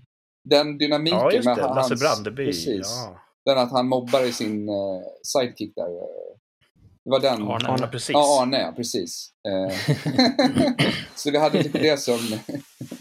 Um, ja, så körde vi på lite Heron City och vi körde på lite olika ställen. Och sen ett av de här ställena var Vällingby centrum. Och sen så fortsatte så blev det ju påsk och då tänkte vi vi gör någonting till påsken och då kom jag att tänka på påskharen då såklart. och så blev det den, den hopplösa haren. Som, som en, Rullstolsbunden. en, ja, en, buren, rullstolsburen. Eh, nej, ehm, nej, det var en, en deprimerad hare som hade tappat hoppet helt enkelt. Så, Ja. ja. Och sen så, En ordvits ändå. ja, det var ju fint. Så att vi ville ha lite sensmoral i varje. Eh, och sen så då med hjälp av barnen så har de så här, du kan, så här, ja men jag vågar inte, bla bla bla. Och så säger de, du kan. Och så, så gör han det. Så under föreställningen så blir han mer och mer modig och känner att han kan. Och sen så gör de en eh, du kan-raketen i slutet som är så här, du kan, du kan, du kan, du kan. Och så gör han ett glädjeskutt såklart. Och så, ah, ja. Han kan hoppa igen. Ja, han kan hoppa. Så, eh, så då gjorde vi lite sådana grejer. Och sen så var det att Vällingby... Just det, sen så blev jag också så här, det var fortfarande inte, det var inte så att cashen rullade in och det går bra nu, det var inte den känslan. Utan, Men kul ändå att få jobba med sin egen text och få, Ja. eh, och få en direkt feedback från en, en ganska så aktiv publik. kanske. ja, och att man kan göra också att, jag, att man kan liksom från ett A4, att man kan skicka ut och sitta och ringa och få de här beställningarna ändå skapa någonting och bygga så här, eh, vad heter det, Ro- roll-ups som är band som man kan ställa Ja. bakom med, vi tog in en tecknare som liksom gjorde någon snygg affisch och så hade vi det bakom för att liksom få det lite snyggare sådär. Och sen så googlade jag igen då, återigen, på hur gör man när man ska bygga, vad gör man, hur bygger man en business? Och, och då så kom jag in på någon video om att man skulle vårda de kunder man har.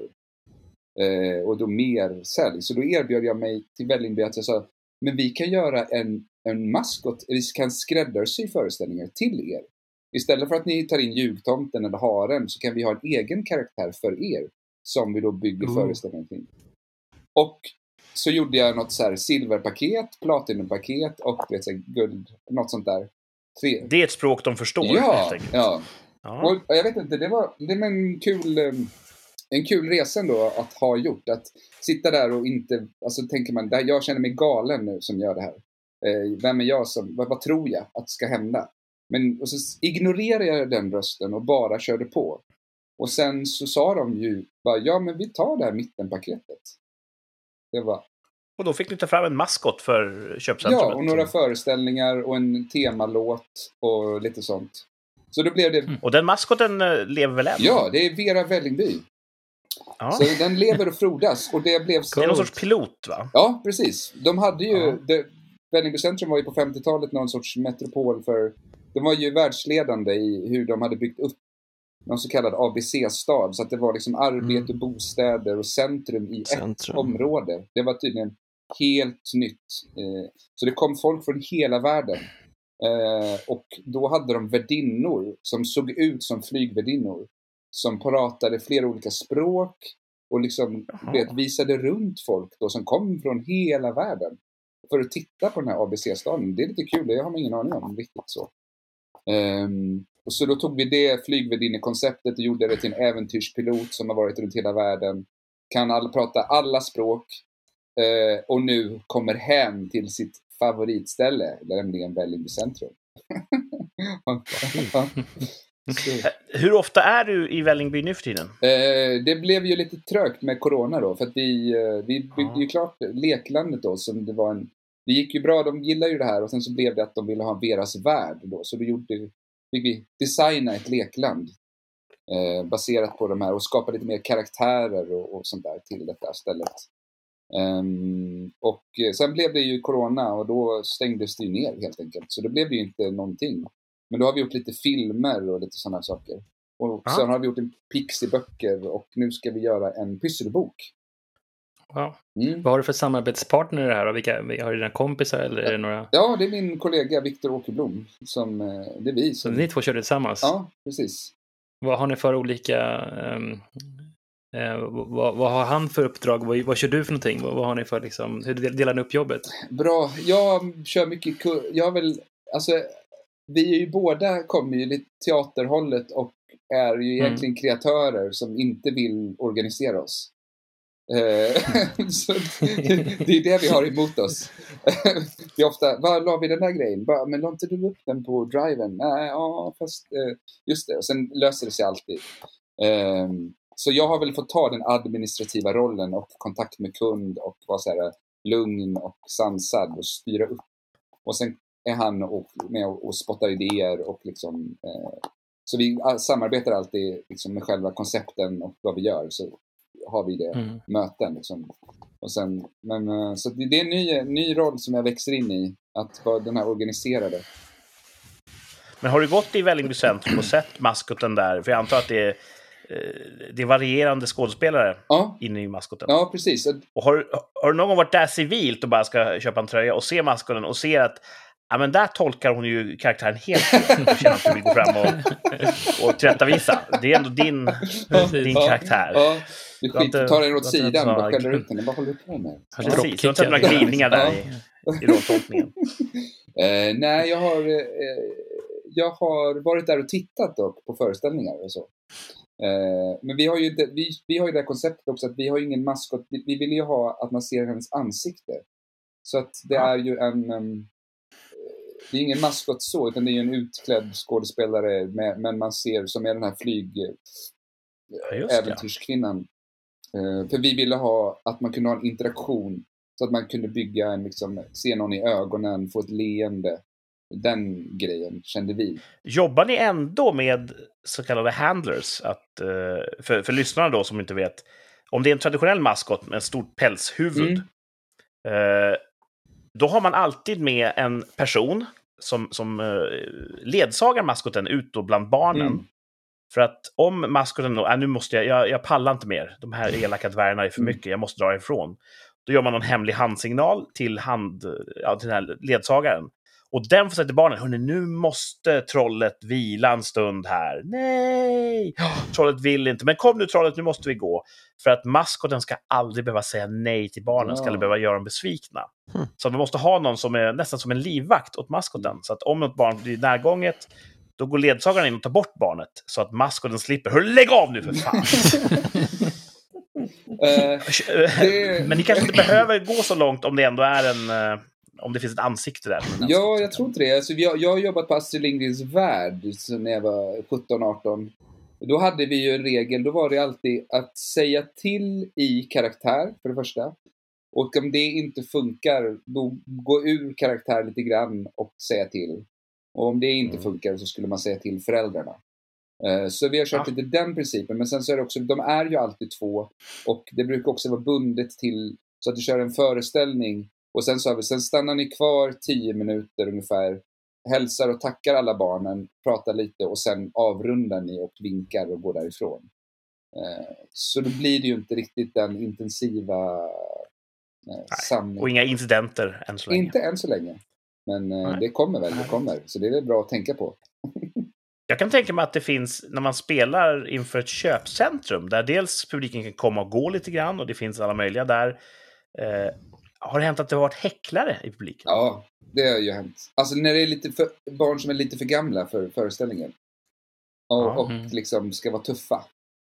Eh, den är ju Ja. alltid svår, för man, när, ska man, när ska man gripa in så att säga och, liksom, och när ska man ignorera? Och det där är- får man ju bara det är ju bara lära sig. Alltså får man ju köra på känsla. Men jag vet, jag har ju också varit med om, det var någon gång när vi gjorde Haren i, i ett annat köpcenter. Då blev skådespelarna lite rädda för barnen så att de började liksom backa. Och till slut hade alltså barnen trängt in dem i ett hörn. Och det, så det blev... och det, det kan ju hända och du måste ju ta kontroll över rummet och situationen. Och sen och att säga så här, nej men backa, sitt kvar, där, sitt där på linjen här, sätt dig. Alltså, då får man ju tillåta sig själv att avbryta i föreställningen på ett bra sätt. Eh, Det är ju det, är det som är klurigt med barnteater, att barn kan ju göra precis vad som helst. Barn kan ju känna rädslan i luften. Ja, gud ja, det gör de ju. Och om vi nu inte sätter gränser så kommer de ju bara klampa över dig. Jag var för många år sedan var inblandad i ett barnprogram som eh, hette Barda Mm. på Sveriges Television. Det Ja, var lite så här Sagan om ringen, Ja, eh, det rollspel det. Ja. för barn. Och eh, premissen var att varje avsnitt så var det två stycken, jag kallar dem för då, civila barn, helt vanliga barn, inte skådespelare, som bjöds in. Och de fick då uppleva ett litet mikroäventyr som utspelar sig över ett avsnitt. Så vi skådespelare, vårt jobb var ju då att egentligen rollspela mot de här. Och ungarna hade ju inget manus, de hade ingen aning om vad som skulle hända, vad de skulle säga. Men vi visste ju att nu ska de gå in, de måste kolla i kistan och sen måste de springa iväg i den riktningen. Mm.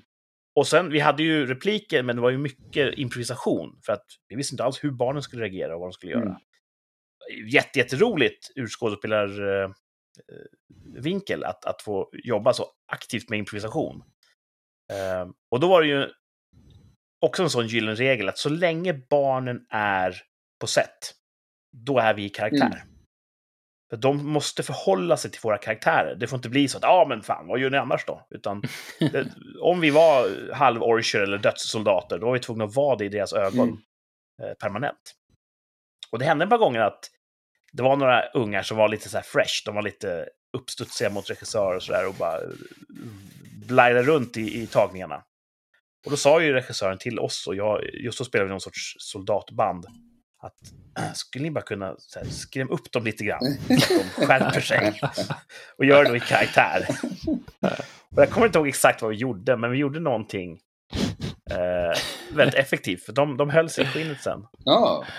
Och det var en, en gång, det var en annan gång, inte relaterad, då fick vi faktiskt byta karaktär, för vi satt eh, på ett typ värdshus, ett medeltida värdshus. Vi satt eh, utplacerade, och då kommer barnen in. Och de vet ju inte vad som ska hända. De går in där, de ser den här medeltida miljön, de ser massa arga vuxna med typ så här sot och blod och, och, och spår av strid. Och vi satt ju och, och, och blängde på dem ganska hårt. Vår, våra karaktärer var ju verkligen, det var den arketypen. Och en av, ett av barnen började typ gråta. Bara av den, den atmosfären som var. Och då fick vi, ah, okej, vi fattar beslut. Vi, vi kliver ur karaktär, går in bakom en vägg. Bara, Hej, vad, känns det bättre nu? Ja, fick vi visa att vi faktiskt var snälla egentligen. Och sen kunde vi köra vidare. Så det är, jag kan tänka mig att köpcentrum barn, det kan vara både högt och lågt. Ja, Men nu har vi så bra med deras värld är ju att det finns en scen där. Så då gjorde det det hela lättare. Innan var det, spelade man ju på golvet i köpcentret. Och det var ju betydligt mer svårjobbat. Mm. Mm. Så det, är något med, så fort det blir en scen så blir det lite tydligare vad som händer. Har du jobbat utanför Sveriges gränser? Eh, nej, det, alltså jag har jobbat i projekt i kortfilmer och sånt där och varit ute och gjort workshop. Jag var i New York och bara gjorde en workshop med Melissa Leo som hade vunnit en. Oscar för, i The Fighter för bästa biroll. Ja, precis. Ja, riktigt grym är hon ju. Ja. Eh, men det var, det, det var mer, mer sånt som jag har liksom sökt mig. Och sen har jag tänkt att jag ska jobba utomlands. Men eh, aldrig riktigt gjort det. Eller jag har inte riktigt känt det. Men den här filmen är... Egentligen, Mm. eh, egentligen spelar det ingen roll. Jag försöker bara desperat skapa en övergång Ja. till veckans topp fem. För det är också ett sånt stående inslag vi har i rikssamtal. Ehm, vi brukar lista fem saker då och då. För att eh, det, det är bra radio. Mm. Och, to Thomas, du har jobbat utanför Sveriges gränser. Eh, Filip har inte varit ute än, men det, det kanske kommer. Eh, om det ens är en ambition. Men som eh, Martin nämnde tidigare, idag när vi spelar in det här så är det ju Sveriges nationaldag. Mm. Och eh, jag tänkte snabbt bara dra topp fem anledningar till att bo i Sverige. Oh. Och då kan man också fylla, eller att, att arbeta i Sverige. Kan man då Topp. välja, om man inte Just. vill jobba utomlands. Så topp fem anledningar att bo i Sverige. Och som alla topp fem så är det här subjektivt. Man får hålla med, man får säga emot. Och om man vill skjuta in egna så kan man ta det i slutet, Thomas. så man inte råkar av misstag säga någon jag har Så- tänkt säga. Det har bara hänt två gånger, Ja, ja. tror jag. Eh, Två gånger, ingen gång. Så vi ska ta här en topp fem anledningar att bo i Sverige, får vi se om ni håller med. Femte plats på min topp fem anledningar att bo i Sverige. Bra internet. Mm. Har ni varit utomlands och haft dåligt internet? Ja, Sant. Garanterat, för att de är rätt långt Ja. efter. USA är ett ganska så eh, häftigt land att vara i, men det kan vara helt hiskeligt dåligt internet till och från. Mm. true. Eh, Och jag tror var- att... ja. Jag var i, eh, du har också varit i Rumänien, eller hur? Ja, visst. Där, oväntat bra internet. Ja, De de, gigabit liksom hela vägen fram till, till dörren. Liksom. Det var ju fortfarande så här betonghus och trebenta hundar, men de Ja. hade bra internet. Precis. Ja, Så- det var oväntat bra. Ja. Men det är någonting man, så fort man lämnar riket så känner man att äh, fan vad dåligt internet. Och ganska Ja. dyrt också. Ja, Mm. absolut. Så ja. Har ni bra internet just där ni bor? Yeah. Yeah, Yeah. absolut. Ja, men Då är det jag, någonting annat som är fel, för vår uppkoppling här är lite svag. ja, det är lite konstigt. Jag hoppas det inte hörs i, eh, i sändningen, för det skulle ju omintetgöra min poäng Ja. här med bra internet. Men det var femte platsen. Fjärde plats på min topp fem anledningar att bo i Sverige. Det är inte så trångt. Vi har ganska mycket land till förhållandevis ganska få eh, medborgare. Mm. Har ni varit i typ Belgien? Nej, han har inte varit. Där är det jättetrångt. Alltså, i princip hela Belgien är ju bebyggt på något sätt. Mm. Det är som den här Coruscant i Star Wars. Det är som en planet som bara är byggnader runt Mm. om. Så är Belgien, fast i... Eh, och det händer ju att, jag vet, holländare, de har också väldigt ont om land. Eh, de får ju torrlägga en del av havet för att få mer land att bo på. Det är Ja. deras grej. De åker upp till Värmland och bara oj, här finns det jättemycket mark och det kostar ingenting. Så det är jättevanligt med holländare som då köper torp i Värmland Mm. och bara älskar livsutrymmet. Ja. Man springer runt och bara känner friheten. Och jag känner också med åldern här att fan, desto längre jag kan ha till mina grannar, desto bättre är det. Så ja, inte så trångt i Sverige som det kan vara på andra ställen i, i världen. Vi är nog ganska unikt glesbefolkade på de flesta listor. Mm. Tänk på det. Den här nationaldagen. Eh, tredje plats, topp fem anledningar att bo i Sverige. Potatis. Mm. Det är ju något gott. av eh, kött och potatis. Det är ganska bra grundmaträtt i Sverige. Och det är ju så gott. Och man All kan göra så mycket potatis. med potatis. Ja, just det. Den är god att äta kokt med lite smör. Mm. Man kan steka den, också jättegott. Ugnsbak. Man kan fritera Ja. den. Ugnsbakad, Ja, fantastiskt gott. Eh, Man kan göra mos av den. Mm. Hur den gör så blir det en ny smak kan man säga, men det är ändå basen är potatis. Mm. Fantastisk uppfinning. Åker du till Asien, det är inte alls lika framträdande med potatis. Det är ju någonting de kallar för ris. De äter. Ja. Så... Ja, har ni tänkt på det? Hur gott det är Absolut. potatis? Ja, nu när du säger det så faktiskt. Alltså, jag åt ju klyftpotatis Ja. precis med kött och lite så här god vitlökssås ja, igår Ja. och det var ju fruktansvärt gott. Nu när du säger det, alltså ris är ju, man kan ju, vad kan man göra mer med ris? Vad kan man, det är typ ris eller malta och lite sånt. Man kan, Ja, just det. Risgrynsgröt. ja, och... ja, ja, ja, ja. Det finns lite olika så här, jasminris och det finns lite så här, ja, olika ris, men inte, in, inte i klass med potatisen. Nej, Alltså, ris går an. Det är inget fel på Nej vi ris. säger, vi Min, säger min, ingenting fru, ja, Vi säger bara att min frugans, eh, frugans eh, farfar, han var storbonde Mhm. och nere i Jo och levererade bland annat eh, potatis till eh, svenskt chipsmärke, jag kommer inte ihåg vilket av dem. Åh. Så att, eh, ja, det finns potatis i, i som Vid chips. släkten. Ja. Fast inte min, eh, min eh, ingifta släkt om man säger så. Vad synd att hon inte lyssnar på rikssamtal. Ja, precis. Hon är det. Där hon känt sig lite... De känner sig inkluderade här. Ja. Nu kan du locka in henne. Vi snackar potatis i rikssamtal. Precis. Ja. Tredje plats i topp fem anledningar att bo i Sverige. Andra plats. Nu låter jag sådär konstigt eh, mjuk igen, men den svenska sommaren. Ja. Det finns ju ingen bättre plats på jordklotet att vara än i Sverige på sommaren. Tycker Mm. jag. Det är den bästa dagen på hela året.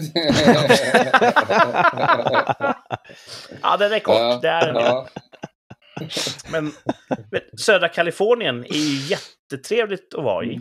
Mm. Det är jättevackert väder jämt. Och det är just det, att det är jämt så fint så att man äh, blir lite mätt på det. Mm. Sverige har ju årstiderna och det, det ska ju suga tre fjärdedelar av Ja. året. Så att det får vara riktigt jävla bra. Och när det är bra väder i Sverige, Ja. Ja, då är det ja, bra. det är precis lagom varmt. Och ja, allmänt trevligt. Ja, är jag är byggd för det här klimatet, så att det passar mig perfekt. Mm. Så jag säger, den svenska sommaren, det är plats två Mm. på topp fem anledningar att bo i Sverige. Och nu kommer vi till första platsen. För mig. Vad är det jag saknar mest när jag åker utanför rikets gränser? Jo, det är vattnet. Kranvattnet. Ja. Mm. Det, jag har inte varit i något annat land där jag verkligen har... Ah, det här kranvattnet, det, det dricker jag gärna direkt ur kranen. Mm. Är man nere i Frankrike och Tyskland så är det ju nästan... Det är bara att glömma. Det smakar ju så mycket klor. Mm. Ja. Och... Ja, förvisso Island var rätt okej. Men det är ju inget riktigt land. Det är ju mer en så här fantasy-projekt. Fantasy kom- ja. Ja, precis. Som kuliss liksom. Um, alltså, och, och svenskt vatten. Nu är jag lite partisk. Jag har ju jobbat inom svensk vattenproduktion eh, för länge sedan. Så jag är lite, lite Men partisk. berätta. Men svenskt vatten... Vad är hemligheten? Och, för, alltså, det sker en hel del processing. Man tar upp vattnet ur berggrunden och tillsätter mineraler och, Mm. och vissa metaller och sånt där för att få rätt smak och balans på det. Så kranvatten är ju en produkt. Det är ju producerat. Och Hmm. eh, olika kommunala vattenbolag har ju sitt eget recept på vad ska man tillsätta. Mm. Så kranvatten smakar lite annorlunda beroende på vad du dricker i Sverige. Men är det, använder man Eh. klor i Sverige också eller är det att det är mindre klor då än utomlands? Eh, jag skulle säga att i dricksvatten så, om man använder klor, så är det initialt i kedjan och sen så skiljs det av så att det, liksom, det, det smakar inte längre. Och vi har ganska bra ledningsnät, så vi behöver inte ha klor hela vägen ut i, i distributionen för att det, det inte ska börja bli bakterier och sånt. Så nej, eh, klor ska man slippa i vattnet. Och eh, jag vet inte om ni vet var Ringarum ligger? Mm. Strax söder om Nej. Norrköping. Mm. Om man kör kustvägen från Norrköping ner mot eh, ja, Karlskrona, eh, Blekinge. Då passerar man snabbt efter Norrköping Ringarum, en liten ort som är känd för en sån här OK-mack. Och på den OK-macken, på toaletten, satt det ett klistermärke en gång när jag var in. Ringarum. Sveriges näst bästa kranvatten. Så då hade de varit med i någon tävling, någon kommunal maktkamp då, och de kom tvåa. Och det räckte för att trycka upp klistermärken. Det var Ringarums eh, stoltaste ögonblick. Ja. Och Ja. det kan tyckas banalt, men så fort jag är utomlands, då längtar jag nästan hem till bra kranvatten. Mm. Så det... Ja. Du känner igen, är ni lika det. fixerade vid Mm. vatten? Eller? Nästan en applåd på... Oj, Ja, tack! ja, Ja, ja. ja, det är ju... Jaha, Jag vet. Grattis, grattis Sverige. Sverige, ja. Mhm. Bra, det är bra att få sig en liten eh, nytändning på Sverige. Ja, Idag är Sveriges dag. Mm. Mm. precis. Ja. Ehm, men tillbaks till vår gäst uh, Philip Hughes. Vet du om att en gång när Thomas skulle köpa en födelsedagspresent till dig tipsade jag honom om att han skulle köpa en Philips Hue-lampa. För att det låter som ditt namn. ja, ja. Det, det gör det. Har du reflekterat över det själv? Jo, jag, jag, jag har hört det. Du känner till den här ja, lampan? Ja. Philips. jag Äger du någon sån? Ehm, jag äger faktiskt en sämre kopia. Eh, som jag nu alldeles i dagarna installerade i mitt hem. Eh, en i vardagsrum, eh, två i vardagsrummet och sen en i hallen och en i sovrummet. Och det började ju väldigt, väldigt bra. Jag var så stolt. Jag kunde liksom byta ljus och du vet sådär. Men sen så tog det inte lång tid innan de tog över mig och så började det blinka konstigt, slutade funka. Och sen så måste man liksom, du vet, man, det är ganska krångligt att och liksom installera om dem. Man måste, Ah. ja. Det var så här, jag försökte och så, nej men du, det var någon strul med wifi, apropå bra wifi. Men det var, och så tänkte jag, ja, men jag gör det, jag gör det sen. Jag gör, jag gör inte det nu. Alltså, jag, jag, ska- jag ska fixa det. Men så var det som, så dog en lampa efter en annan. Och så, nu är den i sovrummet har slutat fungera helt. Jag vet inte vad det är. Eh, och sen så, eh, ja, den i vardagsrummet satte jag igång igår. Äntligen. Och den eh, ja, så när jag börjar tända dem så blir de så här extremt skarpt ljus. För att det, det så här, inställningen i liksom grundljuset är ju extrem då. Jättevitt. Så att då, då kunde jag inte tända dem på ett tag för att det var så starkt. Så, så det var lite fail. Men eh, jag har ominstallerat nu, tagit den här söndagen till att eh, lösa det. Så vi hoppas och ser hur länge det håller. Det, Det låter ju som att du kanske skulle ha gått på Philips Hue-spåret. Ja, jag Ja. tror det. Jag tror det. det Kanske vi gör en sån här hem, hemma hos-reportage som vi Ja. gjorde hemma hos Thomas förut. Eller det var inte inget reportage, men vi körde ju, kittade Thomas med. Yeah. hela, hela Thomas paketet. fått... Liksom. Jag, jag och Martin har ju kört det här ett tag. ja, Och nu är inte Ja. det här på något sätt sponsrat av Philips Hue. Jag måste tänka på hur jag säger det. ja, Eh, men det funkar jättebra för mig och Martin. det gör det. Och Ja, vi, som, som Martin sa då, vi hjälpte ju Thomas, eh, det var inte så länge sedan. är grymt. Ja, vi kom ju fram till Thomas hade ju sån här, dim, en sån här timer som man vrider på. Liksom. Mm. Det fick ju, Som det fick ju högt. upphöra. Så då körde vi all in på Thomas där. Så. Ja. Mm. Det var Nu gjorde nice. en intervention. Men du, du är nöjd 2000-talet. Thomas? Jag är jättenöjd. Men hur känner du Ja. Thomas? Är du nöjd? Ja. Styr du den med mobilen? För det var en annan sak som jag hade uppmärkt att, att man Ja. kan liksom inte släcka dem normalt utan då måste man ju släcka med mobilen. Ja, Är det så på och då Hue, måste... Philip Hue? Ja, Med Philips Hue finns det en lösning för det. ja du har. Det bör- Det låter mer och mer som reklam. Nej men för det, jag det- märkte, en det var lösning. lite jobbigt för att det var så att nu vill jag ju släcka men mobilen ligger där ute. Då måste man gå ut och hämta Ja. mobilen för att släcka. Alltså det blev... Ja, just det. Ja. Då har man en liten behändig fjärrkontroll. Ah, I varje Som... rum? Uh, nej, där du vill ha den. ja, Du kan också koppla den till Siri va? Ja, visst. Ja, just det. Så man kan säga släck hallen. Just Ja, det brukar jag göra faktiskt det. ibland. Eh, ibland så har vi en sån här diskolampa i vardagsrummet. Så vi kallar för bubblor, för det, dottern tycker att det ser ut som bubblor. Jag vet inte, hon säger bubblor. Så kan man säga, hej Google, stäng av, nu ska, vi har en sån här röstassistent här så jag ska inte säga det. eh, släck bubblor. Så. stäng av mikrofonen. Ah. Precis. så att, då kan man skrika man har sånt ett barn i varje arm och så ska man bege sig ut så ska man säga hej, ja, eh, röstassistentens namn och sen stänga av Sonos eller något sånt där. Just Ja. det, det. Jag önskar nu så här efterhand att jag hade ringt Philips och sökt spons. För det var trevligt att ha veckans avsnitt. Yes! Philip Hughes presenteras av Philips Hue. Det hade ja. varit strålande. Det Kanske bara vi som tycker det är kul, du och Kurt. Jag tycker det är vansinnigt kul. Ja, jag tycker det är jättekul. Och du måste, är det ditt, eh, ditt riktiga namn? Eh, Hughes, ja. Philip Hughes. Ja, jo, det, Du har inte tagit... För, för det är ju ändå inte ovanligt att skådespelare tar... Nej, jag vet. Speciellt i USA verkar det som. Att det är, men de är ju känsliga för konstiga namn där. Ja. Så att man måste alltid säga... Men Philip Hughes är ju, om jag, om jag Max. får säga det, är ju ett jättebra namn för en skådespelare. För det låter säger ju... det det, låter som att man har gjort någonting. Alltså, Det låter som att bra liksom behöva story. göra namn. Ja. Mm. Precis. Sen i, Så att, eh, ska ju tilläggas att i eh, England då, eftersom jag är halvbrittisk, det är där det kommer ifrån. Där är det ju som heta Filip Svensson, alltså eller Johan Svensson. Alltså, så. så det inte, har inte riktigt samma klang där. Mm. Och sen så är inte Kurt Love jättepoppis heller i England. Loaf. Loaf, lo, ja. Jag, har- jag har inte kommit på hur jag ska säga mitt efternamn på engelska än, efter alla dessa år. Love. Love. Ja, det är klurigt. love. Säger säger det på svenska så låter det som kärlek, love. Ja, Mm. det är ju nice. Och loff kan jag inte riktigt identifiera. Ja, nej. Det är ett jättebra namn. Och en annan grej som Thomas hatar jättemycket. Ja, Det fuck. är ju vår tävling två av tre. Ja, det är det. Och apropå just namn. eh, vi ska testa nu hur eh, väl förtrogen ni är med skådespelare som egentligen heter någonting annat. Mhm. Det är veckans tävling två av tre. Eh, och då ska jag berätta det för lyssnarna och för Filip. Två av tre går till så här. Jag kommer nu säga tre stycken eh, påståenden. Två av dem är helt sanna. Så två av tre är rätt. Mm. Men en av dem är falsk. Och den ska ni lista ut vilken är, den ska bort.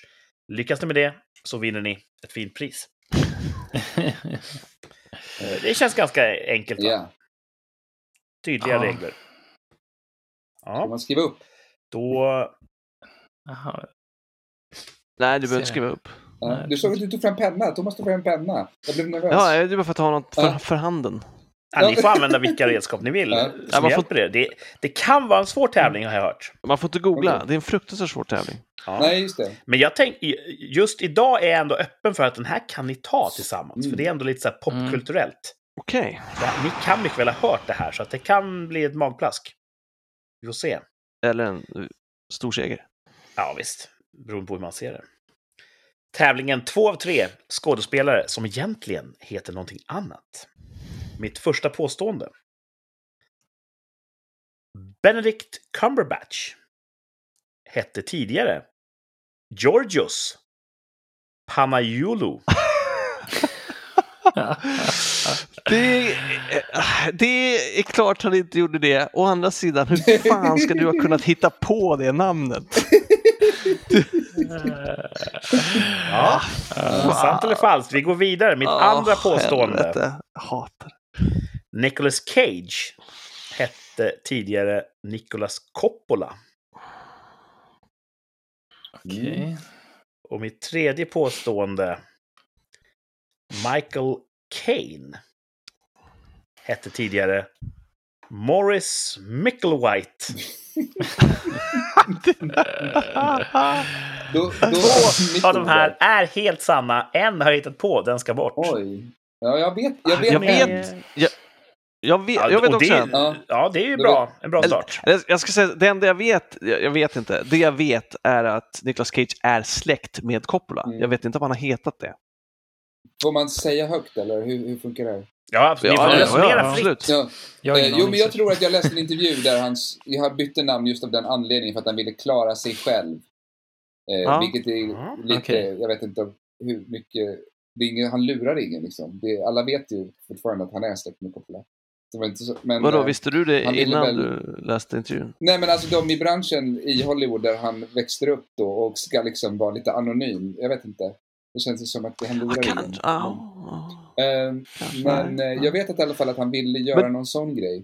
Så då tror jag på att han har bytt. Mm. eh, Den är sann. För att liksom bli, slå Mm. sig fri. Mm. Liksom. Precis. Då Då vill ni frågan, kanske då sätta- en pinne i den. Den, Ja, det- kan Ja, ni tänka dig lite- check. Och då är frågan, kvarstår då- vilket namn har Kurt hittat på av de där två hittepå-namnen? Hette Benedict. Ja. Benedict Cumberbatch tidigare Georgios Panayotou. Panayotou. Mm. Ja, så jag har en grekisk eh, påbrå. Eller hette Michael Caine tidigare Morris Micklewhite? Nickelwhite. Morris Micklewhite. Morris. Alltså, det är ju ett... Det är ju inte ett lika konstigt namn. Men jag kan också tänka mig att det inte var lika vanligt att byta namn i hans generation. Mhm. Han är ju ingen vårkyckling. Nej. Han är till åldern Jag tänker att hans, men det, Det känns ju kanske- ha- mer i karaktär i linje med hans persona. Att det är så här, nu ska jag liksom bli den här grandiosa skådespelaren och då ska jag byta namn från, alltså Mm. det känns som att eh, Cumberbatch är lite mer, alltså hur, varför byter man till ett ännu konstigare namn? Alltså det, Ja. alltså, Ja. det Mm. Det, ja, precis. Ja. Det, det låter ju mycket, mycket mer brittiskt. Och det var Ja. en sån grej. ja, ja, i och för sig. Kurt, Om ska man- säga, jag- ska man säga nu Kurt att nu får alla som lyssnar eh, pausa och, och skriva i Precis, det kommentaren? här är ju även en tävling för våra lyssnare. Ni som vill eh, lista ut vilken av de här tre som ska bort. Ni kan ju få pausa, gå in på Instagram, hitta rikspodd och där kan ni fylla i i kommentarsfältet vad ni tror ska bort. Eh, Benedict Cumberbatch hette tidigare Georgios Panayotou. Nicolas Cage hette tidigare Nicolas Coppola och Michael Caine hette tidigare Morris Micklewhite. Ett av de här påståendena är falskt och det ska bort. In och gissa på Rikspodd på. Instagram. Och nu, tillbaka till vår trio. Ni har eliminerat en av dem redan, så då ska Ja. ni hitta då någon mer som ni känner er säkra på. Ni ska lista ut vilken som ska bort, vilken är påhittad. Borde man inte ha hört... Alltså, Benedict, borde man inte ha hört det? Borde inte det ha varit en sån här... Eftersom han slog Ja, igenom ganska nyligen. Eller Att precis, folk bara, Ja. ah, Mm. Michael Caine, det är så pass... Det är old news. Ja, men är inte Mm. Michael Caine, känns inte det väldigt taget också? Att man så här, om man skulle liksom designa Michael sitt Caine. eget namn, är inte så här Michael Caine. Det låter lite... Ja, Ja. jag vet inte hur hans konstruerat. karriär startade. Ja. Nej, länge sedan. Mm, Tidigt. Jag har ändå ju, läst eh, en bok av honom. Ja. Det här är ju en individuell tävling, sen får ni gadda ihop Ja, det är individuellt. Ja, helt och hållet upp till er. Ja. Ja. Ja. Mm. Ni, behöver inte vara, ni behöver inte vara överens om det ska vara så. Men, Nej, nej, man, man, vi gör tre val. Men, och som, om vi väljer olika så vet vi att i alla fall någon vinner. Ja. Eh, smart. Vi tar alla varsitt. Uh, ja, men jag, jag tror väl att... eh, fuck, jag tror att Michael Caine har bytt namn då. Ja. Mm. Ja, Benedict känns mer trendkänslig. han känns mer känslig generellt. Thomas eh, Ja. tycker att han har gjort ett val där. Ja. Mm. Ja. Jag, jag sida alltså. med Thomas. Jag tror också det. Ja, jag, ja, ja, jag hänger på er också. Men då, då, kommer ju, kommer ju alla fel! Ja, men det Hur, hur är det med självförtroendet, Thomas? Så, så ska du inte säga. Du, du är alldeles för hård. Det här, det har vi pratat om. Du är alldeles för hård mot dig själv. Du måste... Thomas kommer ändå bli glad om han förlorar, för att han har inte riktigt förstått att han har förlorat. Nej, så, så är Du det bara ofta också. ja, ja, nej. okej. Är, är det jobbigt nu, Thomas? Ja. Känns det jobbigt nu? Ja, det är jobbigt. Är det nu två av tre är som värst? Jag, jag tänker om jag byter bara för att vi ska helgardera oss och så har jag fel. Ja, Man kan aldrig veta förrän det är över. Nej, det är Det är det som är tjusningen i två av tre. Nej, vi kör på Michael Caine då. Ja, och det låter som att alla tre är överens Ja. där. Mm. Åh.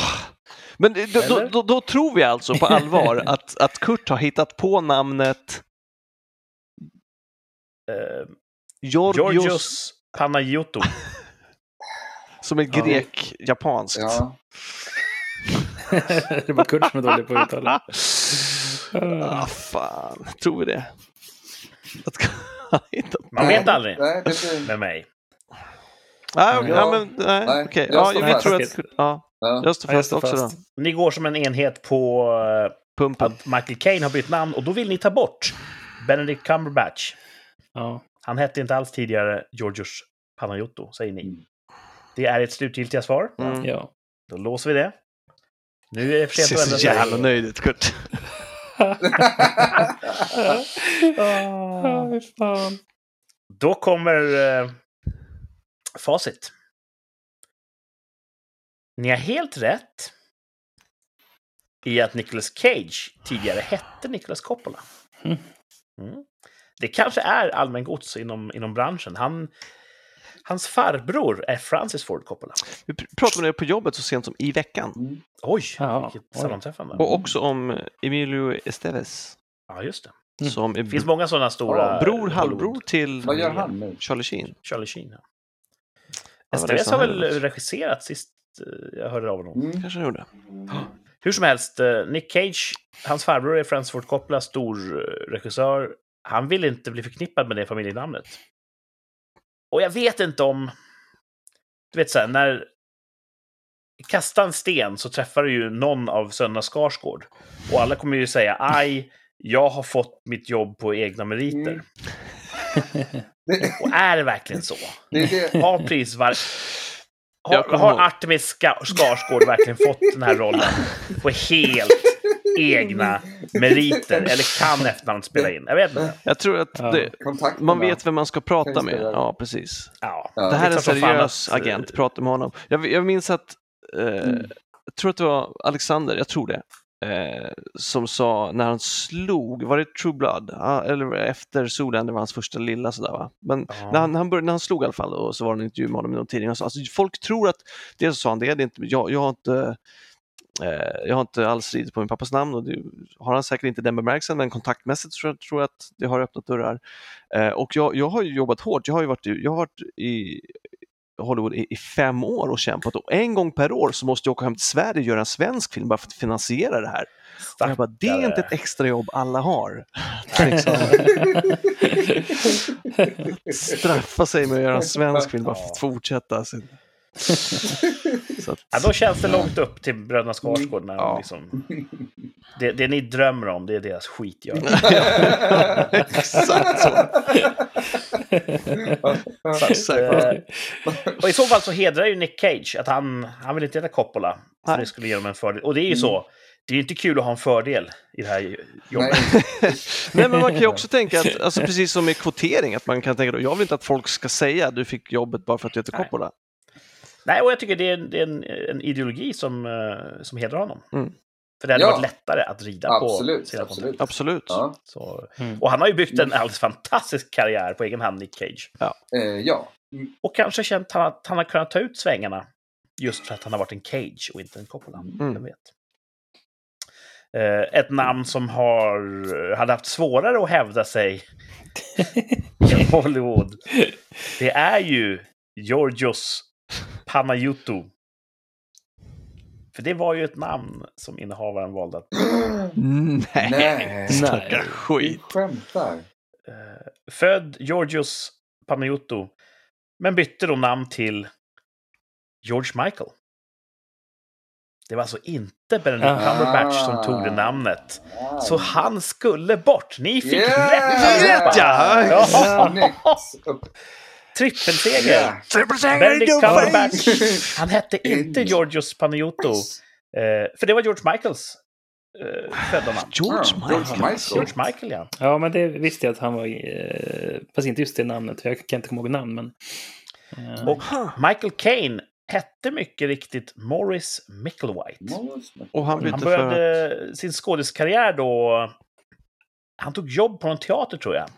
Och eh, nästan en administrativ roll. Mm. Eh, men typ, han, kör några walk-ons ibland. Mm. Och då gjorde han dem under namnet Michael White. Mhm. Och sen när de började bli lite känd och började boka lite större gig nere i London, då fanns redan en Michael White. Och det Ah. funkar så ibland att du får inte enligt facket heta samma sak som en redan etablerad skådespelare. Ah. Eh, och då stod han i en telefonkiosk på typ Leicester Square med sin agent. Du måste byta namn, Michael White funkar inte. Och då såg han en filmposter för Myteriet på Kane. Ja. Och då sa han What about Michael Caine? och så var det klart. Det låter som när vi gör filmskurkar. ja, vad, vad ser vi i rummet runt om Ja, oss? precis. Så går vi på det. Ja. Åh fan. Äh, snyggt jobbat! Vilken eh, propagandaseger. Ja. För Sveriges nationaldag och allt. Eh, den knäckte ni. Kul att höra från lyssnarna ifall det var... Var det någon som gick i min fälla? Det skulle vara kul att höra. Mm. Ehm, de får jättegärna höra av sig på rikspodd. ja. ja, vi ska alldeles strax börja ta oss an den stora finalen. Men innan dess, jag är lite nyfiken Filip. Eh, du har inte bara stått på scen eller eh, gjort konventionell tv, du har ju också gjort motion capture, eller ska vi kalla det performance capture? Eh, Det ja, en- det, kan vara, det, det är olika. Det är lite kul. Man, motion capture är när man inte har med ansiktet. Och performance, eller eh, rösten. Performance, nu är jag lite tvek här. Men eh, performance capture är då när man tar hela performancen med, så tror jag att den riktiga definitionen är. Mimik och Med allting. ansikte och röst samtidigt. Då. Så, Och för, då, för lyssnare som inte är i, i svängen, det handlar helt enkelt om att man går runt i, i kroppsstrumpor med prickar på i en studio. Och sen byter datorer ut dig till en, en figur. ja, Man kan tänka Gollum i Sagan om ringen, en typiskt exempel på den typen av eh, skådespeleri. yes. Det var väl då den riktigt slog igenom, alltså sådär, det blev känt och allt det där. Och han har ju blivit... Hur börjar du med eh, den här typen av, av Jag, såg, alltså jag har ju spelat tv-spel väldigt mycket. Ehm, och sen så såg jag någon annons eh, för en audition för just det. Och då gick jag ju bananas. För jag tänkte det här måste jag göra. Så jag Ja. överjobbade det kan man säga. Alltså, det var, jag sprang ut på någon fotbollsplan för man skulle så improvisera. Det var sån där liksom fallout-tema. Att man skulle vara någon cool eh, person i något sådär liksom dystopiskt eh, landskap och sen skulle det komma fem banditer och så skulle man liksom improvisera lite lines, någon coola lines och sen liksom en fight. Och liksom en, sko en skottlossning och liksom sådär. Eh, så det, då gick jag ut och, och bara liksom gjorde en massa kullerbyttor och bestämde ungefär hur jag skulle göra och gick all in, verkligen. Eh, no shame, bara körde på de här karikatyrerna, kan de, eller vad ska man säga? De är ju väldigt, eh, de är inte så nyanserade kanske alltid, de här Ja, men de jobbar ju mycket med arketyper. Ja, arketyper, helt Ja. rätt. Ehm, och det var ju, det älskar ju jag. Det är en befrielse också, att man kan leka mer. Att det blir liksom så kul. Ja. Eh, så åkte dit och sen så, så sa de, ja men kör. Och sen så tänkte jag, nu gör jag antingen bort mig eller så bokar jag det här. Eh, Är, det den här Uppsala-studion? ja, det var i Uppsala, i en kyrka. De har Ja, flyttat precis. nu till Hammarby sjöstad. För jag var där på audition och jag känner igen det här postapokalyptiska eh, castingscenariot och eh, det, det kom eh, folk och så vidare. Ja, Så jag, var, jag flög ju upp och gjorde en, eh, en audition i kyrkan, så säga, i deras eh, kammare, Mm. där, de, där de gör sin fångst, så att Ja. säga. De har inte hört av sig. Men var, var det samma? Var det också en sån här tuff snubbe som skulle fightas med några personer? Berätta. Ja, det var nog ingen namngiven karaktär. De ville bara ha generell data Ja. och så hamna i någon databas där och för att se ifall någonting passade. Ja. Ja. Så jag minns- jag, jag finns lagrad där någonstans, men eh, har ännu inte imponerat på dem så mycket så att de har behövt använda mig. Det kommer. Det Det kommer. jag ville också, precis som du, när jag hörde talas om det här så ville jag, det här måste jag få prova. Ja. Det verkar ju en speciell Det upplevelse. är ju så kul. Alltså första gången man var i ett tv-spel, det var ju... Då höll jag på att dö av att jag blev så exalterad. Vilket var det första tv-spelet? Eh, det det var, oh, det var något så klassiskt um, klicka-spel. Alltså man gick runt som någon detektiv och med ficklampa och skulle... Eh, det är synd att jag inte kommer ihåg namnet. För det är, sån- det är något så gammalt så spel från 94. Alltså som fanns på PC som de skulle göra om då till liksom... Jaha. men... ehm, det var någon, man går runt och så pratar man med olika karaktärer och du så här, gör liksom en, så här, det har hänt något mord eller någonting och så man, så man pratar och så träffar man olika och letar igenom lådor så då fick man göra massa olika, man får ju alltid göra det, om man gör in-game så att, som det heter, då gör man ju de här, hur karaktären går, då får man ju gå, gå som karaktären sakta, gå långsamt, gå skadad, gå alltså sådär. Och sen då också Ah. göra lite olika interaktioner med så objekt och sånt också. Och då har de väl i ett tomt rum typ måttat upp att här ungefär så skrivbordet så att du går rätt avstånd? Ja. så Eller hur, hur gör Ja, man precis. Då ställer de upp eh, ett... Det kan ju vara att de har ett bord som de ställer upp då, eller så har de liksom markörer så att den här, det här bordet är egentligen ett stenblock, exempelvis.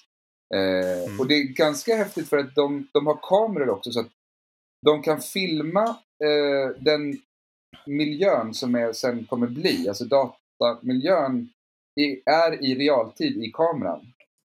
Så de kan se hur du rör dig i dataspelet Precis, under inspelningen. precis. Och de kan ju bygga upp vilken Mm. värld som helst. Så de kan ju ta bilder, om, säger, de, om de ska stå bakom en, ett träd, alltså typ och ha en sån att, att det är någon som tjuvkikar på mig exempelvis. Då kan det ju vara då har de ju gjort det digitalt. Så trädet är i rummet, alltså digitalt.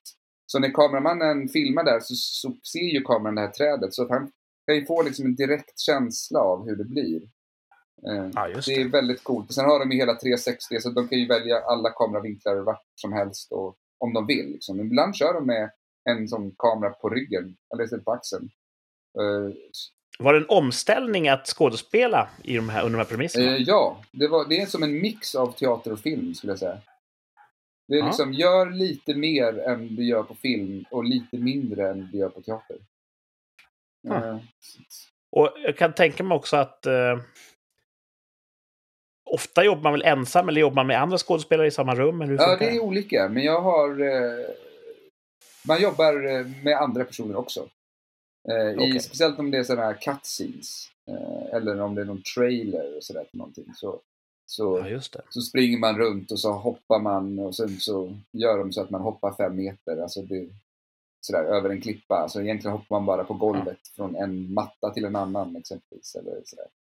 Eh, Men det är, jätte, det är jättekul att, att, få se bilder från världen innan man, så man får en uppfattning om hur det ser ut. Eh, Ja, just. Ni får ändå någon sorts referensverk Ja. där, att, så ni vet vad ni rör er i. Men det var kul också när jag var på Battlefield, de skulle släppa, eh, då satt jag ju med liksom en sugpropp på golvet och liksom, alltså som, som och lekte att jag var i en sån fighter-pilot liksom. Och bara ah, oh my god, I'm dying, I'm dying! Och så, så, Det materialet vill man ju se, råmaterialet, när du sitter och drar i sugproppen. Ja. Så eh, då kände jag så här, ja det här är intressant för det här är så här, det, kom, det, det visas ju för x antal miljoner människor och det är liksom, det blir inte större än det här liksom, än en Battlefield liksom. Och så sitter man där på golvet med, med liksom en sugkopp och leker. Alltså jag tänkte, ja, vad, vad, vad gör jag? Vad håller jag på med? På en eh, teaterscen kan man göra ibland ganska så märkliga saker. Men det känns ändå naturligt för att det finns en, en sorts överenskommelse med, med publiken om att ja, det här är skådespeleri och så vidare. Man, man kan känna en viss frihet i att det ändå är ett... ett eh, det, det är ett strukturerat medium. Ja. Eh, Man, man får göra konstiga saker, det ingår i, i, upplevelsen. Kände du någon gång att det kändes lite så här hämmande? Att bara ha teknisk personal runt om dig när du skulle då så här, sitta och dra i sugproppen och, och, och långsamt dö av ett, ett eh, blödande sår? Alltså, väldigt, väldigt var en- hämmande. Ja. Eh, det tog ett tag innan. Nu har jag gjort det så mycket och är så pass trygg i mig själv och allt det att jag kan slappna av. Men i början är det ju för att också regissörerna är inte alltid det är inte regissörer som vet vad scener, all, alltid. Visst, nu börjar det bli bättre och bättre, men det är mer en, en programmerare som har eh, gått i, upp i rang och sen blivit liksom regissör och ska ta hand om allting. Eh, och de är ju duktiga på sitt, alltså de kan ju ha en bra vision och men de kan, vet ju ingenting om skådespeleri. Nej, och personregi kanske inte heller någonting de liksom Nej. vet hur det... Och hur de ska kommunicera på ett vettigt Nej. sätt. Alltså så. Så att det, det, det var ju väl en, en... eh, Innan jag kände att, vänta lite nu, jag vet mer än dig. Så låt mig göra min grej och sen kan du kommentera på det. Eh, Men för att dina instruktioner just nu är, säger mig ingenting. Utan, ja. Eh, Så det var, det var det. Och det kan ju vara lite i början också när man tar på sig den här kroppsstrumpan. Alltså, du ser ju inte jättesexig ut. så, Det är en funktionell Ja. outfit. Ja. du ser mycket coolare ut som figuren än när du, sen ser du dig själv. Man bara, aha, oj då. Ja. Men eh, de hör fortfarande av sig med eh, den typen av jobb. Är det en bransch som är expansiv? Händer det mycket grejer där? Ja, Eller hur? väldigt mycket, för, speciellt för stuntmän. Som, det är merparten stuntfolk som Ja, det. eh, gör det. Speciellt i Sverige då, för i, eh, jag gjorde ganska, nu missar jag en eh, inspelning här för att jag ska på semester. Men eh, de hör av sig med jämna mellanrum och eh, vi gjorde, när Corona slog till så fick jag ganska mycket jobb för då stängde de ner alla studios i LA. Eh, och då var det Ah. Sverige de enda Mhm. som fortfarande hade business. Så då var de tvungen och då tog de svenska skådespelare och sen så hade de röster då inspelade i LA så att vi mimade till deras röster och gjorde scenerna. Eh, Ja. Det var kul. Ja, det är ett, ett lappverk helt enkelt. Ja, det är inte ultimat. Men som för spelaren upplevs som en, en genuin eh, föreställning. Alltså, det, det funkar ju när man spelar spel. Exakt, exakt. Så jag gjorde någon ansiktsgrimaser till ett spel som jag inte har kommit ut än tror jag. Så det, men det, är som också sån där i Battlefield-klassen, ett sånt storspel. Och då gör ju jag då huvudkaraktärens ansiktsuttryck. Eh, Ah. Det tänker man ju, jag vet inte riktigt, ibland verkar det som att de, ah vi missade det här behöver vi också. Så, och då tar de inte, de kunde ju tagit in den skådisen som är ändå en känd skådespelare, men jag antar att det, att det blir lite för mycket dyrt eller att de är klara med hans insats. Sen kommer de på, vi behöver mer material. Så då liksom gör de extra bitar och så tar de in andra skådisar. Och så att man verkligen så här klipp och klistra i karaktärerna. Så att det någons kropp, någons röst, alltså så för att få den perfekta karaktären. Och var det så det gick till när du eh, tempade åt Keanu Reeves? Eller? Ja, ja precis. Ja, det var ju den Cyberpunk-trailern som kom ut. Eh, sen, Ah, coolt. Så, men då var det faktiskt att då håller de på, då gör man det ibland så hjälper man till att de typ gör hela trailern en gång för att testa. Och Som en previs. Ja, precis, en previs. Eh, och det var det jag gjorde då. Och då spelade jag lite olika karaktärer i den Cyberpunk-trailern. Eh, och sen så då testade vi massa olika saker och sen så tog de de skådespelarna som, som är som då är både röst och kropp. Eh, Så då fick du se Ken Reeves egentligen göra samma tolkning. Eller ja, han gjorde sin tolkning av samma karaktär som du ja, jag var inte där när han var där. Men... Eh, han, Nej, men du, du har sett, trailern. ja, det har jag gjort. Ja, och, Gjorde han den bra? eh, ja, han, eh, det är väldigt lite han är med i den trailern. Men, han på, men han gjorde det bra. Han gjorde det bra. Grymt. Hur känns det att spela ett spel som du har gjort eh, Capture till? Känner du igen ibland, när, känner du igen när, när någon springer över, över bilden? jag tror från inte jag har vänster? spelat- Han springer som jag. Ja, jag, jag vet att eh, jag har inte spelat något spel där jag har varit så att säga i spelet. Utan de flesta Nähä. grejerna som jag gjort är antingen så cutscenes eller trailers. Eh, och de spelen som jag har spelat, eller varit då gubben, jo, en, ett spel det bara. Vad hette Vermintide? Det var, vad hette det? Ja. Men eh, nej, jag kunde inte riktigt eh, se faktiskt. Jag gick runt där, när man Nej. spelar också, de har olika roller, vet, när man kommer till sin hembas och där folk står lite, vet, hänger vid ett bord och dricker, alltså Ja. de där karaktärerna som är lite De ska bara leva lite grann, men inte göra någonting. de, då gick jag runt och kollade på det, hur det blev. Det var lite Mm. Häftigt. Ja. Vad... Eh, närmast framöver så är det Stockholms stadsteater som gäller. Eh, ja, det är väl det, är ju den här uh, skrivarlyan nu då med kortfilmen med Paramount. Ja, just det. Så det, det är det. Och sen är det väl, eh, ja, ja, det som är Stadsteatern sen då. Sen är det massa lösa grejer som man håller på med. Som, Och Stadsteatern, de väntar egentligen på att covid-restriktionerna ska vi, släppa. vi skulle ju haft premiär i, i år. Nu blir, du sa hösten nu, men nu blir det nästa vår. För det blev en lång, Ja, det är då först de Ja. släpper. De vågar Så vi inte... repade faktiskt hela pjäsen och hade någon sorts intern redovisning. Och sen ska vi liksom komma ihåg detta då till 2022. Eh, All- Alla ekonomer räknar med att texten Ja, sitter ett år det- senare. det är så det är tänkt. Lite upprep får ni väl? Ja, vi får tre veckor. Eh, Ja, det men, då så. då, eh, men då var det mycket dans där också som vi inte hann med som jag skrev. Så jag, Mm. Men det, det blir jättebra. Det blir, så jag kommer, jag kommer se till att min text sitter så att jag slipper tänka på det i alla fall. Gött. Då får jag eh, ta mig i kragen och gå på teater i Stockholm då nästa år. Ja, det gör vi. Så tar vi en öl efteråt. Myser. Yes. Ja, det låter Ja. trevligt.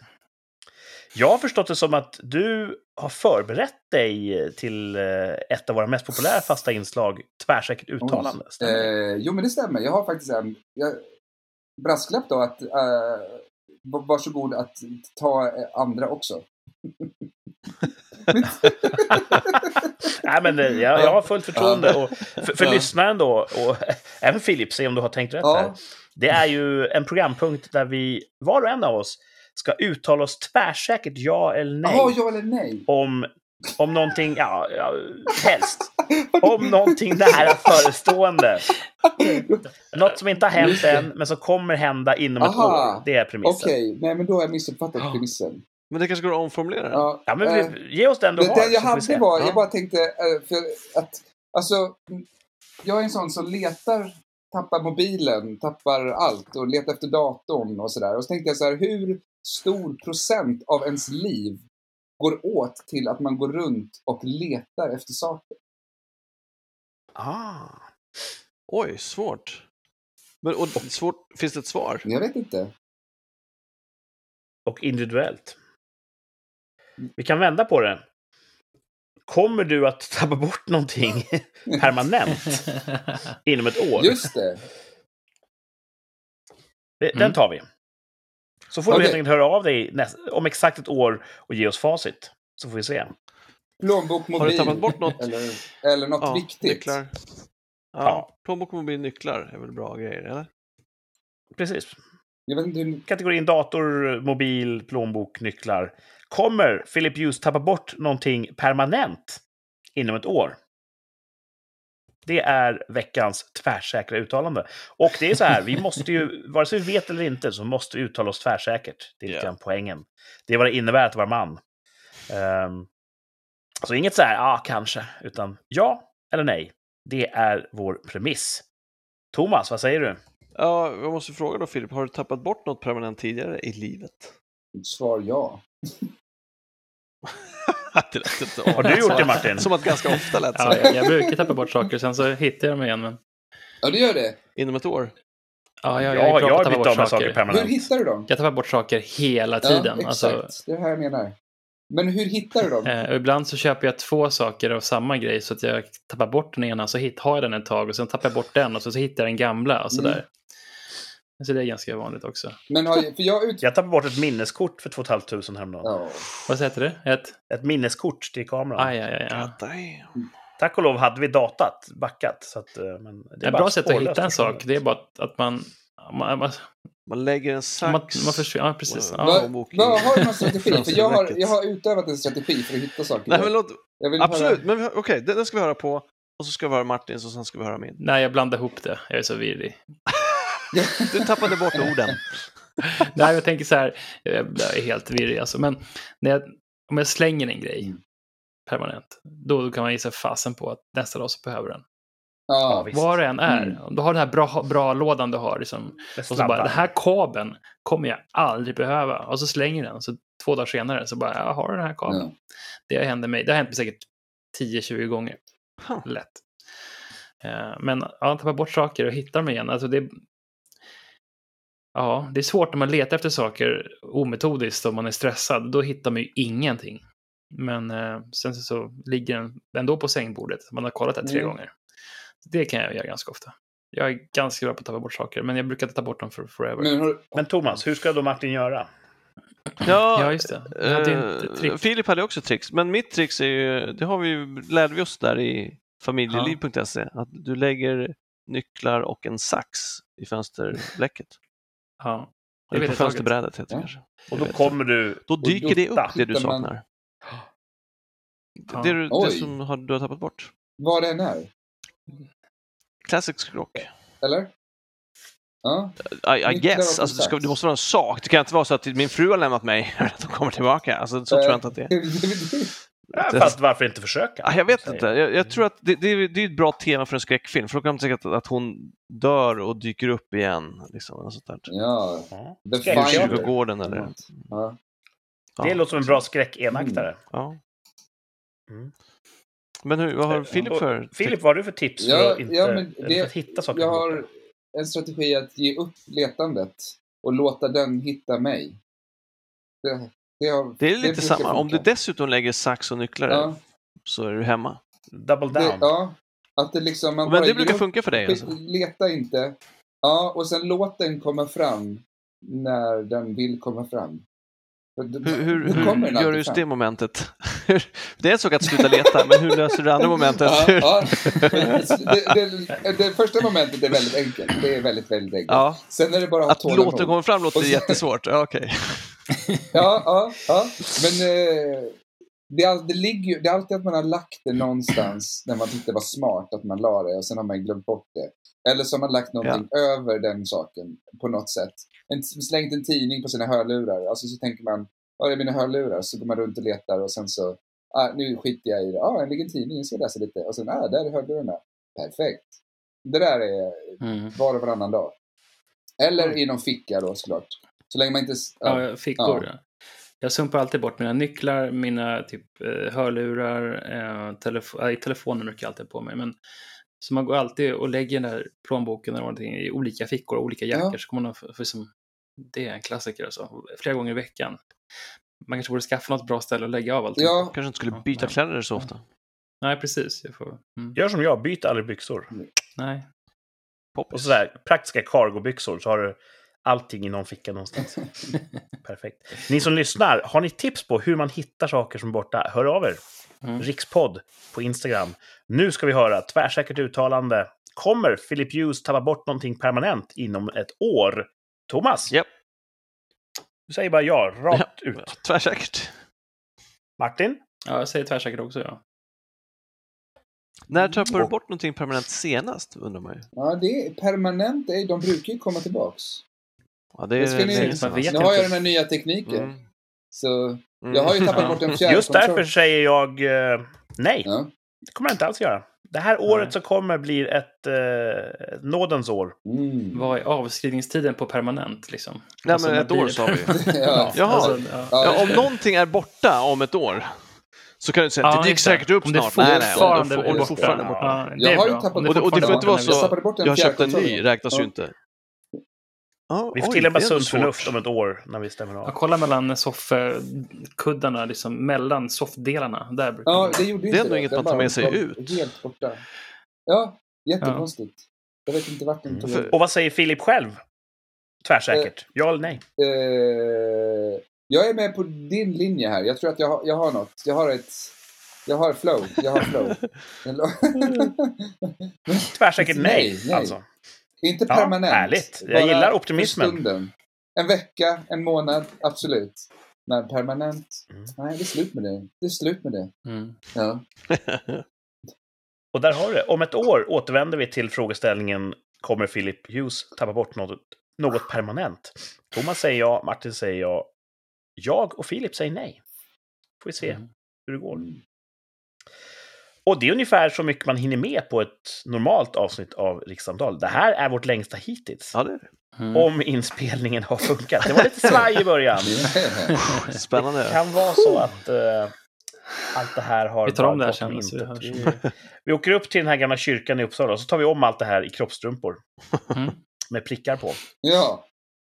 Ja. Eh, det var jättekul att du ville göra sällskap här i Rikssamtal, Ja, Filip. tack så mycket. Och, eh, Det var superkul. Lycka till med alla projekt. Det här kortfilmsprojektet låter jättespännande. Hoppas du eh, får till manuskriptet. Ja, ja, det hoppas Det jag låter som också. att Jag tror, yt- ytterligare en sån här streamingtjänst man måste börja prenumerera på eller hur? framgent. Ja. Just det. Ja, Jag tror att de ska lägga upp det på YouTube faktiskt, på något konstigt sätt. Jag vet inte. ja men det är bra. Mm. Och vi ska försöka att lägga upp Deadland för våra lyssnare. Just En det. länk. Ja. Deadland, Där de kan se Philip Mm. Hughes kasta yxor vårdslöst omkring sig. Ja. Men eh, kul att du var här. Och eh, till dig och till eh, Martin och Thomas och till alla våra lyssnare säger vi tack för den här gången. Eh, vi hörs igen om en vecka när vi återvänder med ett nytt rykande färskt eh, rikssamtal. Tack så mycket och ha det bra. Tack för idag. Hej. Hej då! Hej då!